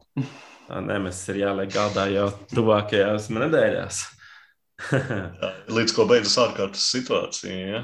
Mēram, jā. Bet ne ar Edgars. Edgars tur esot īpaši ļauns. Es no šīm spēlēm esmu spēlējis divas, tā ir Grand Austrija hotels un uh, uh, Gloomhavens. Tā kā, tā kā, Man Grand tas- Austrija hotels ir shortlistā, jo Borgiem Gīkā arī skatījos topos. Bija viņam kaut kādas modu uznāk vai periodi, kad visi liek vienādus topus. Un tad bija tā kā top spēles diviem spēlētājiem. Mm. Mhm. Grand Austrija Hotel bija tā spēle, kas nu, ļoti bieži Man arī pirmajā. Ļoti interesē, īpaši dizaineru dēļ, nu, kas ir jau itāļu mafijas, jau visi labākie, labākie no turienes. Mhm. Un, un, un, un tas, ka viņš skaitās tieši diviem, jā, tas, tas arī, nu, ka viņš ir labs dažādos skaitos, bet divi tā lūk, tas ir īpaši. Un viņu pacēla tagad nesen, man liekas, tas Kickstarters ar expansion un atkal izcēla gaismā. Jā, jā, ar vīnas Jā, jā, valsts. jā, jā. Tā kā ir droši vien potenciāls, ka, ja viņš nonāks pie jums, viņš saglabāsies topā arī nākošais gads. Mm, jā, nu, tāds, tāds bija iegājis kā tops. Es gribu iemest vēl vienu lietu, kur ir pilnīgi ārpus mūsu, kā, kā podkāstā saka, šaunotiem vai vēl kaut ko. Oh, oh. Tagad uzminiet, kādu interesantu lietu es atradu. Pēc pagājušās epizodes. Nē, tā nebija zeķa. Es atradu tādu interesantu lietu tieši podraidas publicēšanas procesā, ka es varu uztaisīt aptauju. Iedomājieties, aptauju ar atbildžu variantiem, ar visu, ko es milzīgā fanā. Mums bija epizode pasta salas dūži, kur mēs ar Kristofru stāstījām. Cik mēs- beidzot atklājuši to te Google formas. Nē, nē, nē, nē, redzi, nē. Tas, būtu, tas būtu tavā stilā. Nē, es esmu pārāk slings tam. Man, man reāli viņu uzbāza virsū, ka tu vari uztaisīt aptauju, tad, kad es publicēju podraidas epizodiem. Un tā vai es uztaisīju aptauju. Pēc tam labu laiku es domāju, kur tā aptauja ir. Es viņu meklēju visādās vietās. Es domāju, ka viņa vēl nav parādījusies, vēl kaut ko. Man sakot, es viņu neatradu, kur tā aptauja ir. Tad es vairāk, tad es domāju, nu nevar tā būt. Nu, kā var nebūt tā aptauja? Ja? Un, un, un tad es viņu atradu. Jūs iedomājieties, eh, ir tā, ka tad, kad Spotify ir telefonā, tad, tad kad tu ieej un klausies mūsu epizodi, tad pašā lejā tā aptauja ir, bet tikai telefonā. Tas nav aplikācijā, datorā, tas nav ančorā, webā. Bet kur kurš uz datora klausās? Viss jau telefonā. Es Spotify klausos pamatā datorā. Bet, bet, bet redziet, ja arī tu klausies telefonā, cik bieži tu noskrolē zem visa apraksta un pamani, ka tur ir aptauja. Ja? Nu, lūk, bet tagad visiem zināšanai. Eh, Man tagad ir mazāks, es pēc katras eh, šitās te. Epizodes mēģinu uz, uztaisīt vienu aptauju. Un, un, un tīri interesantiem faktiem mums bija aptauja pēc pasta salas dūžiem. kur mēs ar Kristapu stāstījām spēles, kurās mums ir labs procents. Ja? Mm. Un es biju uzdevis jautājumu, ko tu vislabprātāk izspēlētu. Un varianti bija Twilight Struggle pret Tomu, Seasons mm. pret Kristapu, Sait pret Tomu vai Exits kopā ar Kristapu. Nu, jo tie bija tie mūsu, ko mēs abi teicām, ka mēs baigi labi spēlējam. Ja? Un ļoti, ļoti ilgu laiku man bija nenormāli biedējošs rezultāts, jo aptaujā bija viena atbilde. No Twilight struggles pret to. Tad es sapratu, ka mēs vēl par tiem dienvidu korejiešiem runājām. Jā, jā, jā, un es izdomāju, ka tie ir atraduši, pārtulkojuši un ieķeksējuši, ka viņi labprāt pret mani uzkapātu. Ja? Nu, par laimi pēc tam vēl divi uzrādās, kas teica, ka saitu pret mani uzspēlēt pret Kristapu visi baidās spēlēt, jo trīs atbildēja un visi grib spēlēt pret mani, nevis pret Kristapu. Jā, nu, viņi saprot, kur viņiem ir cerības. Tas nu, nu, tieši pareiz, tā. Bet viņi saprot, ka exitu kopā ar tevi arī nav cerība. Ja?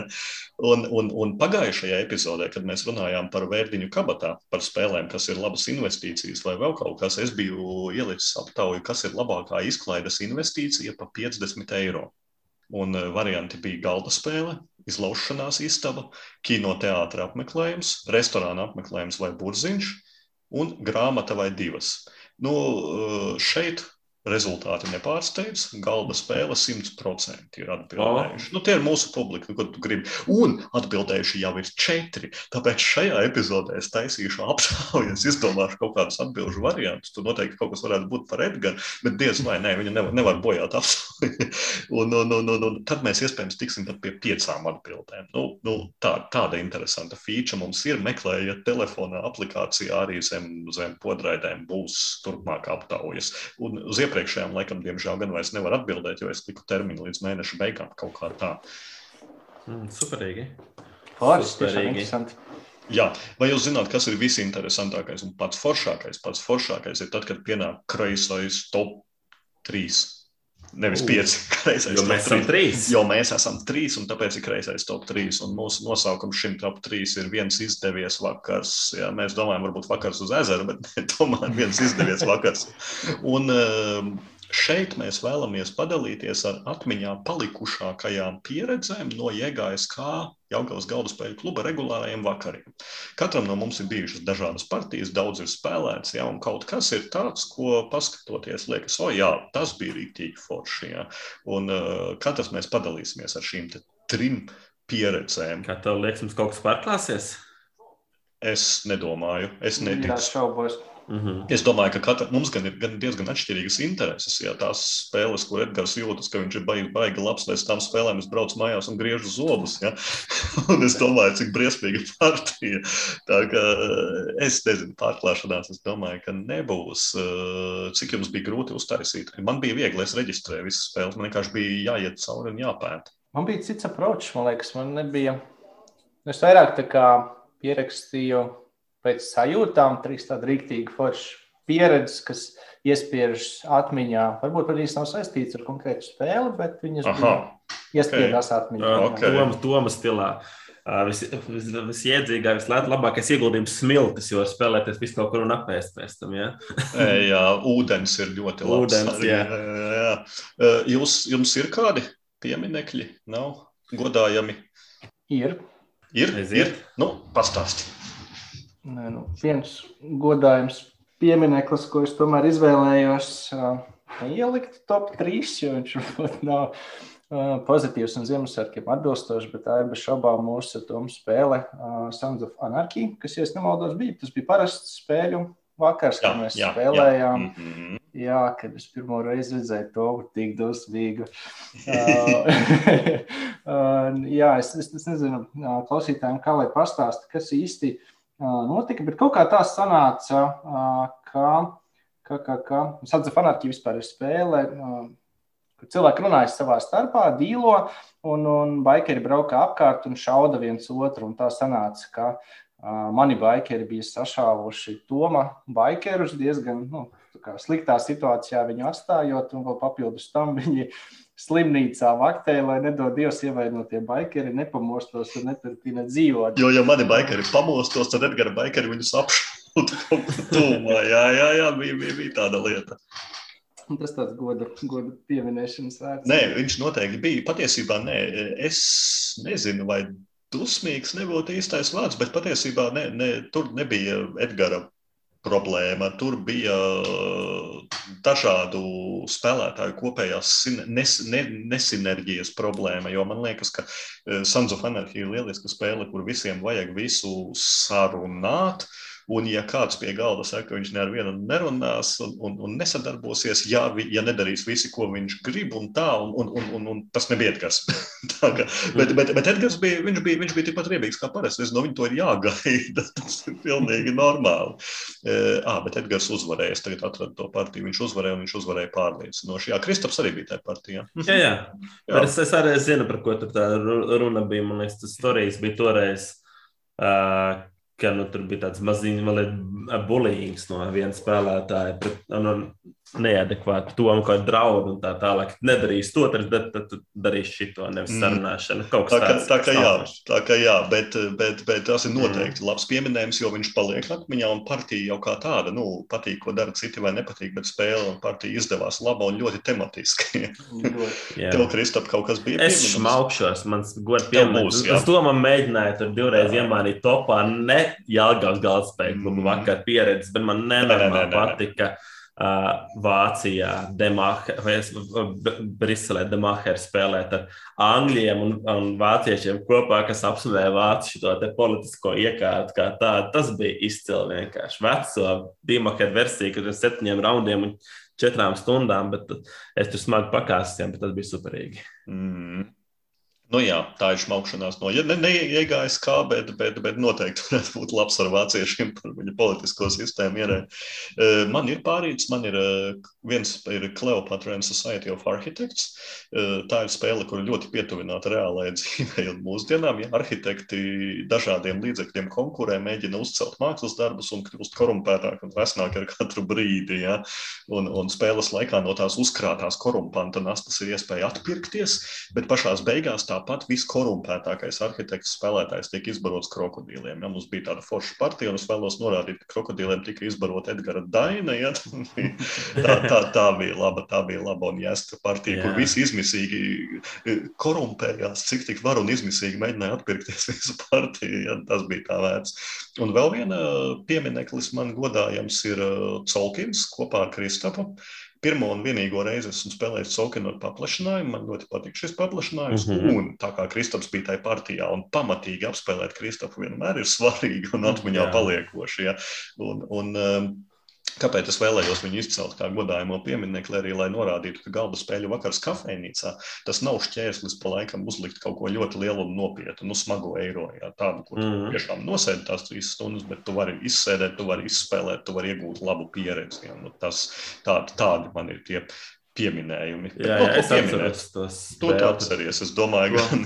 Protams, Čīkstēt, viņam nekad ne endgame scorings nav, endgame punktu nav un beigās viss samasē. Tas Bet es spēles laikā biju, man liekas, ka baigi labi savāds. Jā, jā, Bet endgame es biju briktīgi vājš.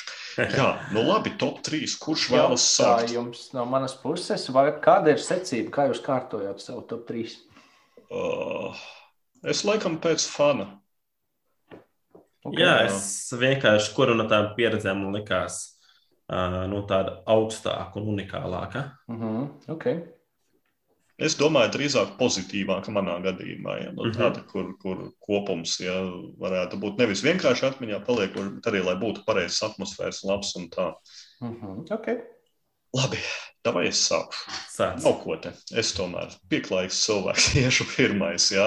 Um, tā ir partija uh, ar spēli, kur es nemaz netieku uzskatīts par baigāko fanu. Tas ir Rūts. E, šajā partijā piedalījās arī Kristaps. Tā bija mana mhm. otrā rūta partija. Pirmajā rūta partijā es biju uzvarējis kā vagabonds pirms vēl Kristaps bija visiem sācis stāstīt un sapratis, ka jenot visiem. Vagabants vienmēr jāsit. Vienmēr jāsit. Un to, tad es biju uzvarējis pirmajā partijā. Es ceru, ka tajā iepriekšējā partijā es biju tas, kurš Kristapam ieviesa šo domu. Tas, jā. tas ir fundamentāli. Jā. Šoreiz šajā otrajā partijā es nebiju vagabonds. Es pārstāvēju mazos grauzēju revolucionārus ja, un darīju to patiešām cienījami. Ja. Man tiešām patika tā tematiskā jušana, kā es lēnām dažādās meža vietās uh, kurināju šos aizmeņus līdzekļus revolūcijai, un pa brīžam šī revolūcija pienāca un, un bam.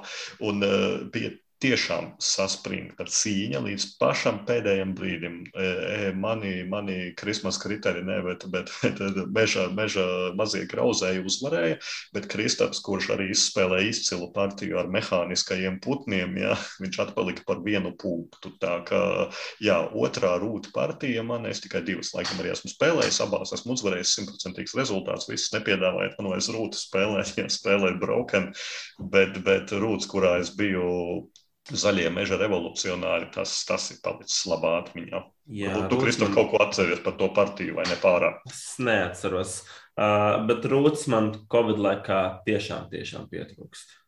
Mm, tev pietrūkst mācīt citiem noteikumus. Tā, es jau. viņus aizmirsu, man liekas, esmu daudz no tā visa. Labi. Okay.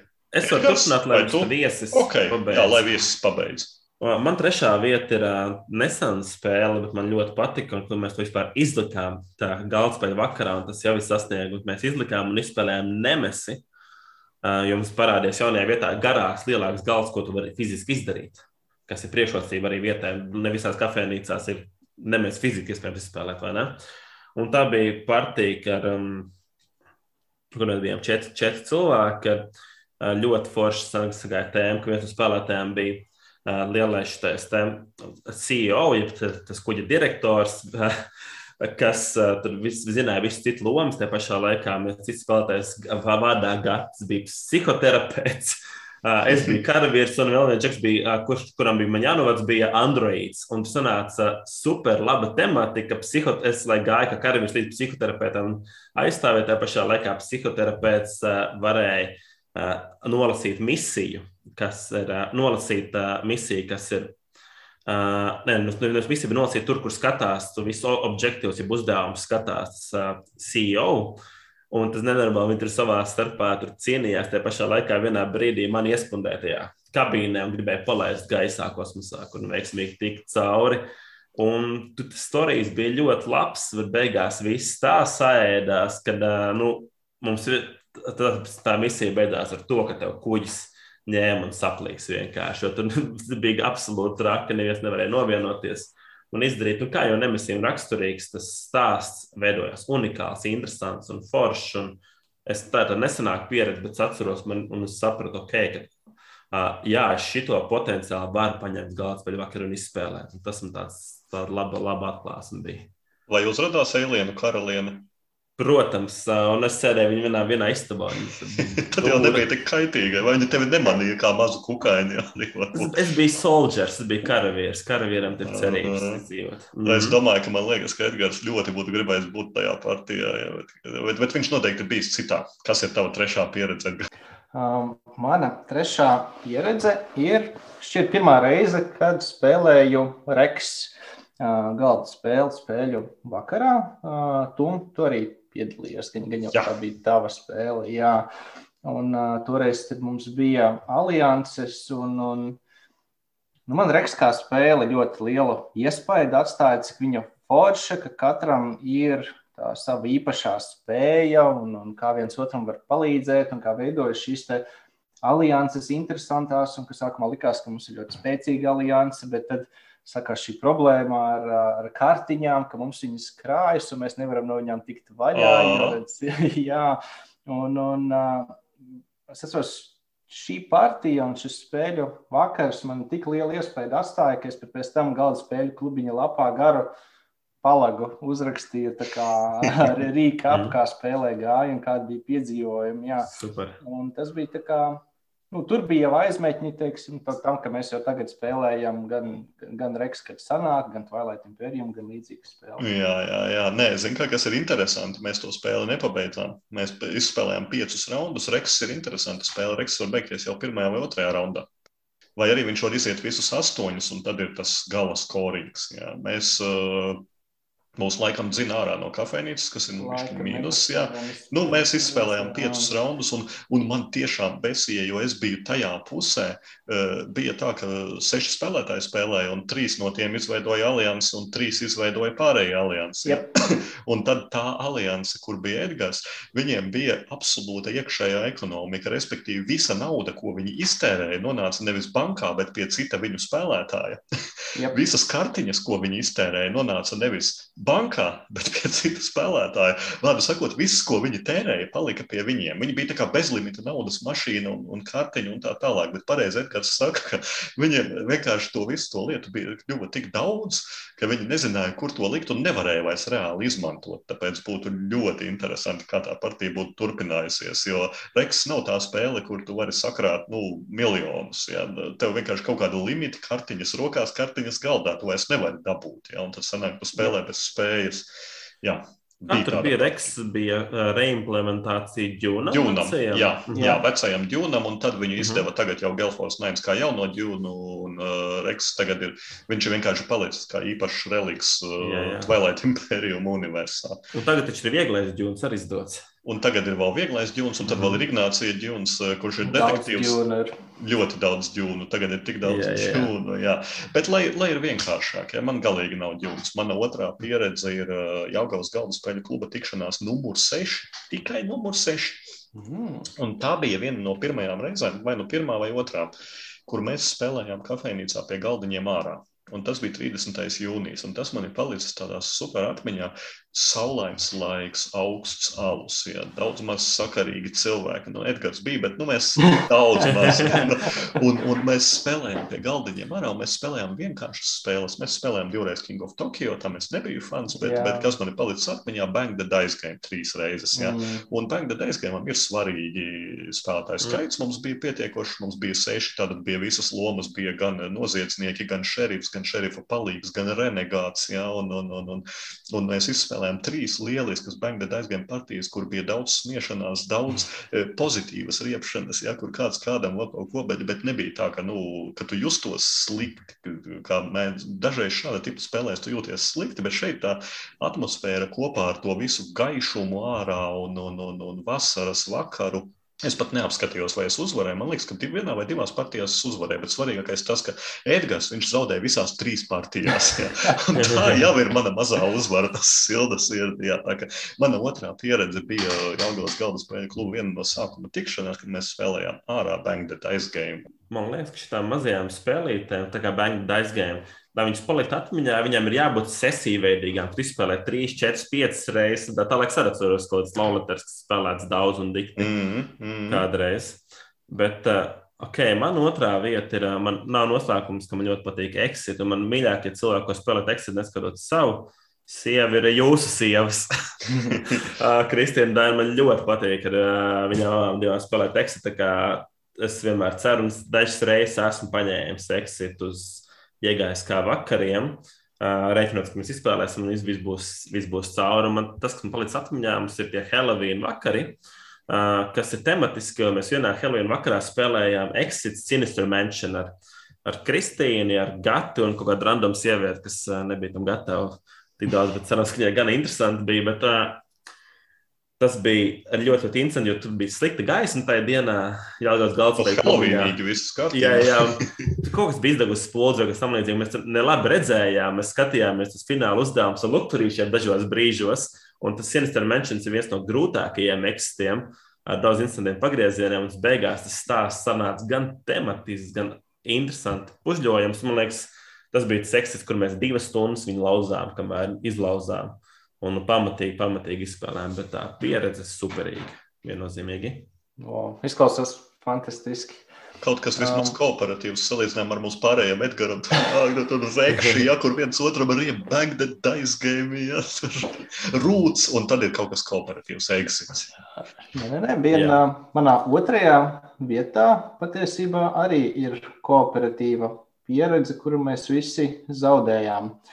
Um, Bet tas ir tā mazliet plašāk. Man ļoti atmiņā palikuši pirmie paši Covid attālinātie spēļu vakari, kuros, kā Toms minēja, ka nevis vienkārši mēs nu, tabletopā uzspēlējam, kas ir pieejams, bet tu cilvēki gatavojās, lika kameras, filmēja fizisko spēli un skatījās, nu, ar šito mēs varam attālināt, uzspēlēt, vai šito nevaram. Un viena no tādām spēlēm ir Toma novadītā Samurai Spirit ko visi draudzīgi spēlējām. Toms skraidīja apkārt laukumam, mēģināja kā parādīt, kas, kāds pašlaik ir spēles status. Un, un, un zaudējām mēs mazliet droši vien tāpēc, ka spēlējām attālināti un vizuāli neredzējām, ka ka nabaga Daina, ka viņš tūlīt nomirs. Galvenais visi par viņu runāja, visu apli līdz Dainai, visi bija, bet neaizmirstam, ka kādam vajag viņai tur palīdzēt un iedot vajadzīgās kartiņas. Un tā tas aplis apgāja, un neviens to neizdarīja, un pienāk Dainas gājiens, es pielieku kameru pie viņas, un nu jā, nu, Viņš zaudēja. Tas bija labs. Tas bija labs. Jā, bet tik interesanti bija tas, ka tiešām tu slēdzies klāt spēļu vakar, un tu nezini, ko mēs spēlēsim, kā, kuram būs kamera, kas sagatavots. Un, un tā ļoti, ļoti aizrautīgi bija tie pirmie vakari. Tā bija īpaša pieredze, jā, sav, sav, savdabīga un savāda. Tas gan, bet, bet, bet bija jautri, arī tā bija jautri. Bet, protams, daudz jautrāk ir spēlēt klātienē. No, e, jā, nu, kas tad man ir tā, kas ir palicis visvairāk atmiņā? Mums ir 14. jaunās galda spēļu kluba tikšanās, un tas bija Kristapa vairākas reizes pieminētie Helovīna vakari, kurus mēs mhm. taisām. Mm -hmm. Mēs esam taisījuši, ja? un tas bija Last Night on Earth zombiju mm -hmm. spēle. E, mēs esam viņu spēlējuši vairākas reizes iegājis, bet šī partija bija pirmkārt pilns spēlētāju skaits, seši deguniem. Arī Kristaps bija partijā. Nezinu, kāpēc mm -hmm. nebija Edgars. Un, uh, Last Night on Earth nedaudz veclaicīga, bet man, man tā ļoti simpātiska noskaņas spēle, ja, nu, kura ir tiešām atkarīga no kompānijas un tā kā iejušanās lomās. Ja. Un uh, mēs bijām četri varoņi pret diviem spēlētājiem, kas pārstāvēja zombijus. Ja. Un, uh, nu, tur tajā spēlē bija ļoti daudz smieklīgu momentu. Nu, es visvairāk atceros, ka, ka savas darbības, ja es un mans Billīs bija augstskolas šīs te vieglatlētikas zvaigzne, ja, skrējums skrējējs. Ja.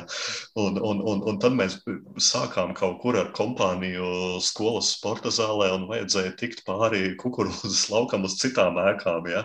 Un, un, un, un tad es tur kaut ko vilcinājos, un, un, un visi tur teica, ka manam bilijam nu, ir jāskrien, viņš baigais skrējējs. Un es teicu, tūlīt, tūlīt, ka es tur gribu pameklēt kaut kādus ieročus. un tad visi mani apsmēja, un tad beigās es ar savu biliju skrējēju izgāju pa šīm te sporta zāles durvīm. Ja? Un, un, un vajadzēja būt, ka es tur pārskrienu pāri un aizvilinu zombijus prom vai kaut ko. Un, un, un mana kājas iestiga dubļos, jo ārā lija lietus, un es visu laiku metu vieninieku un divinieku. Un mans bilijas krējas rāpošanas mm. tempā kopā ar zombijiem kaut kur tur ņemās pa dubļiem ārā. Un, un, un bija, bija sasodīta laba partija. Tad es atceros, Sindijai bija kaut kāds čars, kurš visu laiku, viņu visu laiku apēda zombiju. Neko viņi nevarēja uzmest. Viņu Viņa, man liekas, ka viņai divus čārus apēda partijas laikā, kas gadās riktīgi reti, jo lāst no tā nezā, ja tev zaudē vienu, tu dabū nākamo čāru, jau viņai arī otru apēdi. Nenormāli neveicās, un, un zombiju spēlētājiem viņiem bija jautri, jo mūsējiem nu, nekrita kauliņi, bija visādi sviesti, bet tajā pašā laikā bija arī pozitīvi. Tur lāst ne to nēz, ja tur mans billijs koķetēja ar kaut kādu blondīni, fermera meitu un vēl. Nu, tā, ir, tā ir atmosfēras spēle, un tā partija man noteikti palika atmiņā, ka tas bija izdevies. Halloween spektakulārs, kā varētu teikt, ka pilni seši cilvēki un gan zombijiem bija priecīgi, jo šajā spēlē bieži vien zombijiem ir tā mehāniski, bet viņiem arī, man liekas, gāja jautri, gan, gan arī mums pārējiem, pārējiem noteikti. Tur bija kaut kas tāds, ka priesteris izšķērsās pēdējās lodes un ielīda mājā. Un... Tur tā kārta, viņam tur tā, es neatceros, kā viņš sauc tās kārtas, bet kur divi tā, ja tur paliek, tur kaut kas quiet night. Jā, quiet night vai kaut kas tāds, jā, jā, jā, jā. Un priesteris bija, bija kaut ko, tur priesteris mēģināja darīt. Vai, vai nebija tā, ka sākumā priesteris nešāva spītīgi, jo viņš teica, ka viņš nelietos ieročus? nu, bija, bija. Tas bija, tas jā. bija tematisks pasākums. Lasnēfinē tur izcili, jo man liekas, viņai spēja sabalansēt to īpatnību, to jocīgumu un amizantumu ar to visu tematiku. Tā ļoti, ļoti veiksmīgi. Mm, viņu noteikti vajadzētu spēlēt ne tikai Helovīnos. Bieži vien es teiktu, ka to ir vērts izcelt arī kādu citu reizi.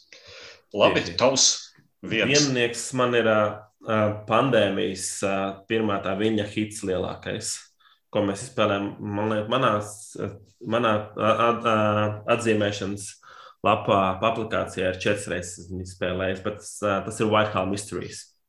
Mm. Kas man liekas, ka bija tāds milzīgs, milzīgs veiksmi, jo sākumā es no tā filmām spēlēju, to sākumu tik filmēju, cilvēku spēlēju.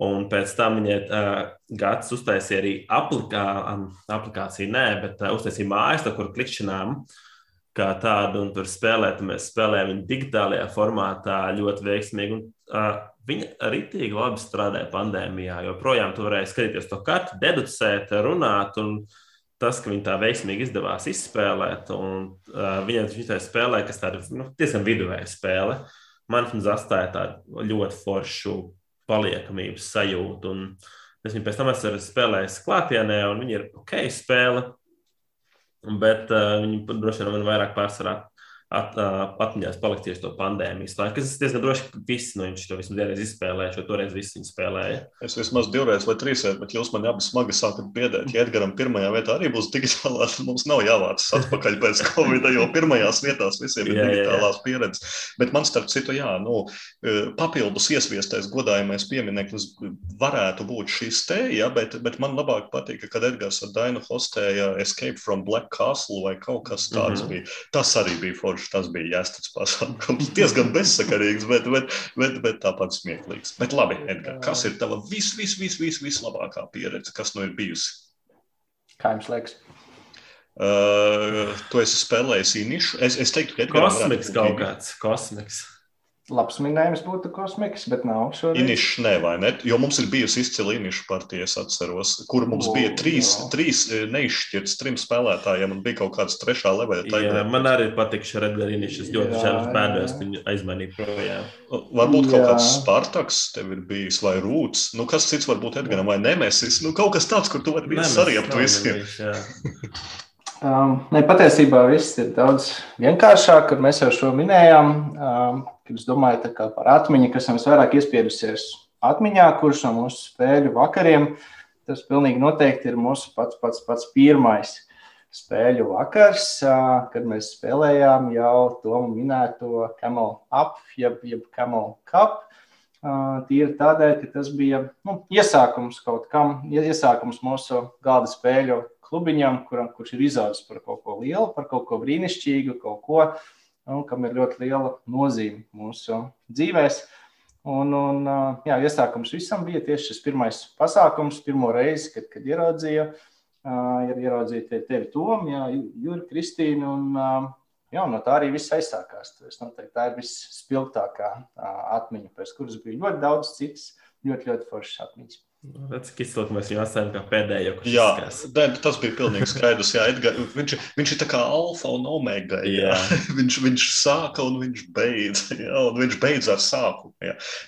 Lai, lai Edgars turpina rotēt savā spirālē, jā, ko mēs darām, mēs visi pārējie īpaši klausītāji, ejiet uz Facebook un lūdzu piedalieties izsolē. Ja tas viss ir vienkārši labdarības pasākums, nekādu, nekādu saistību saistību, nekādu šķēršļu. Vienkārši piedalāmies un bija prieks parunāt par tādām lietām kā kolektīvi un spēlēšana kopējā. Mm. Cerams, ka bija kaut cik interesanti arī ne tikai augalniekiem.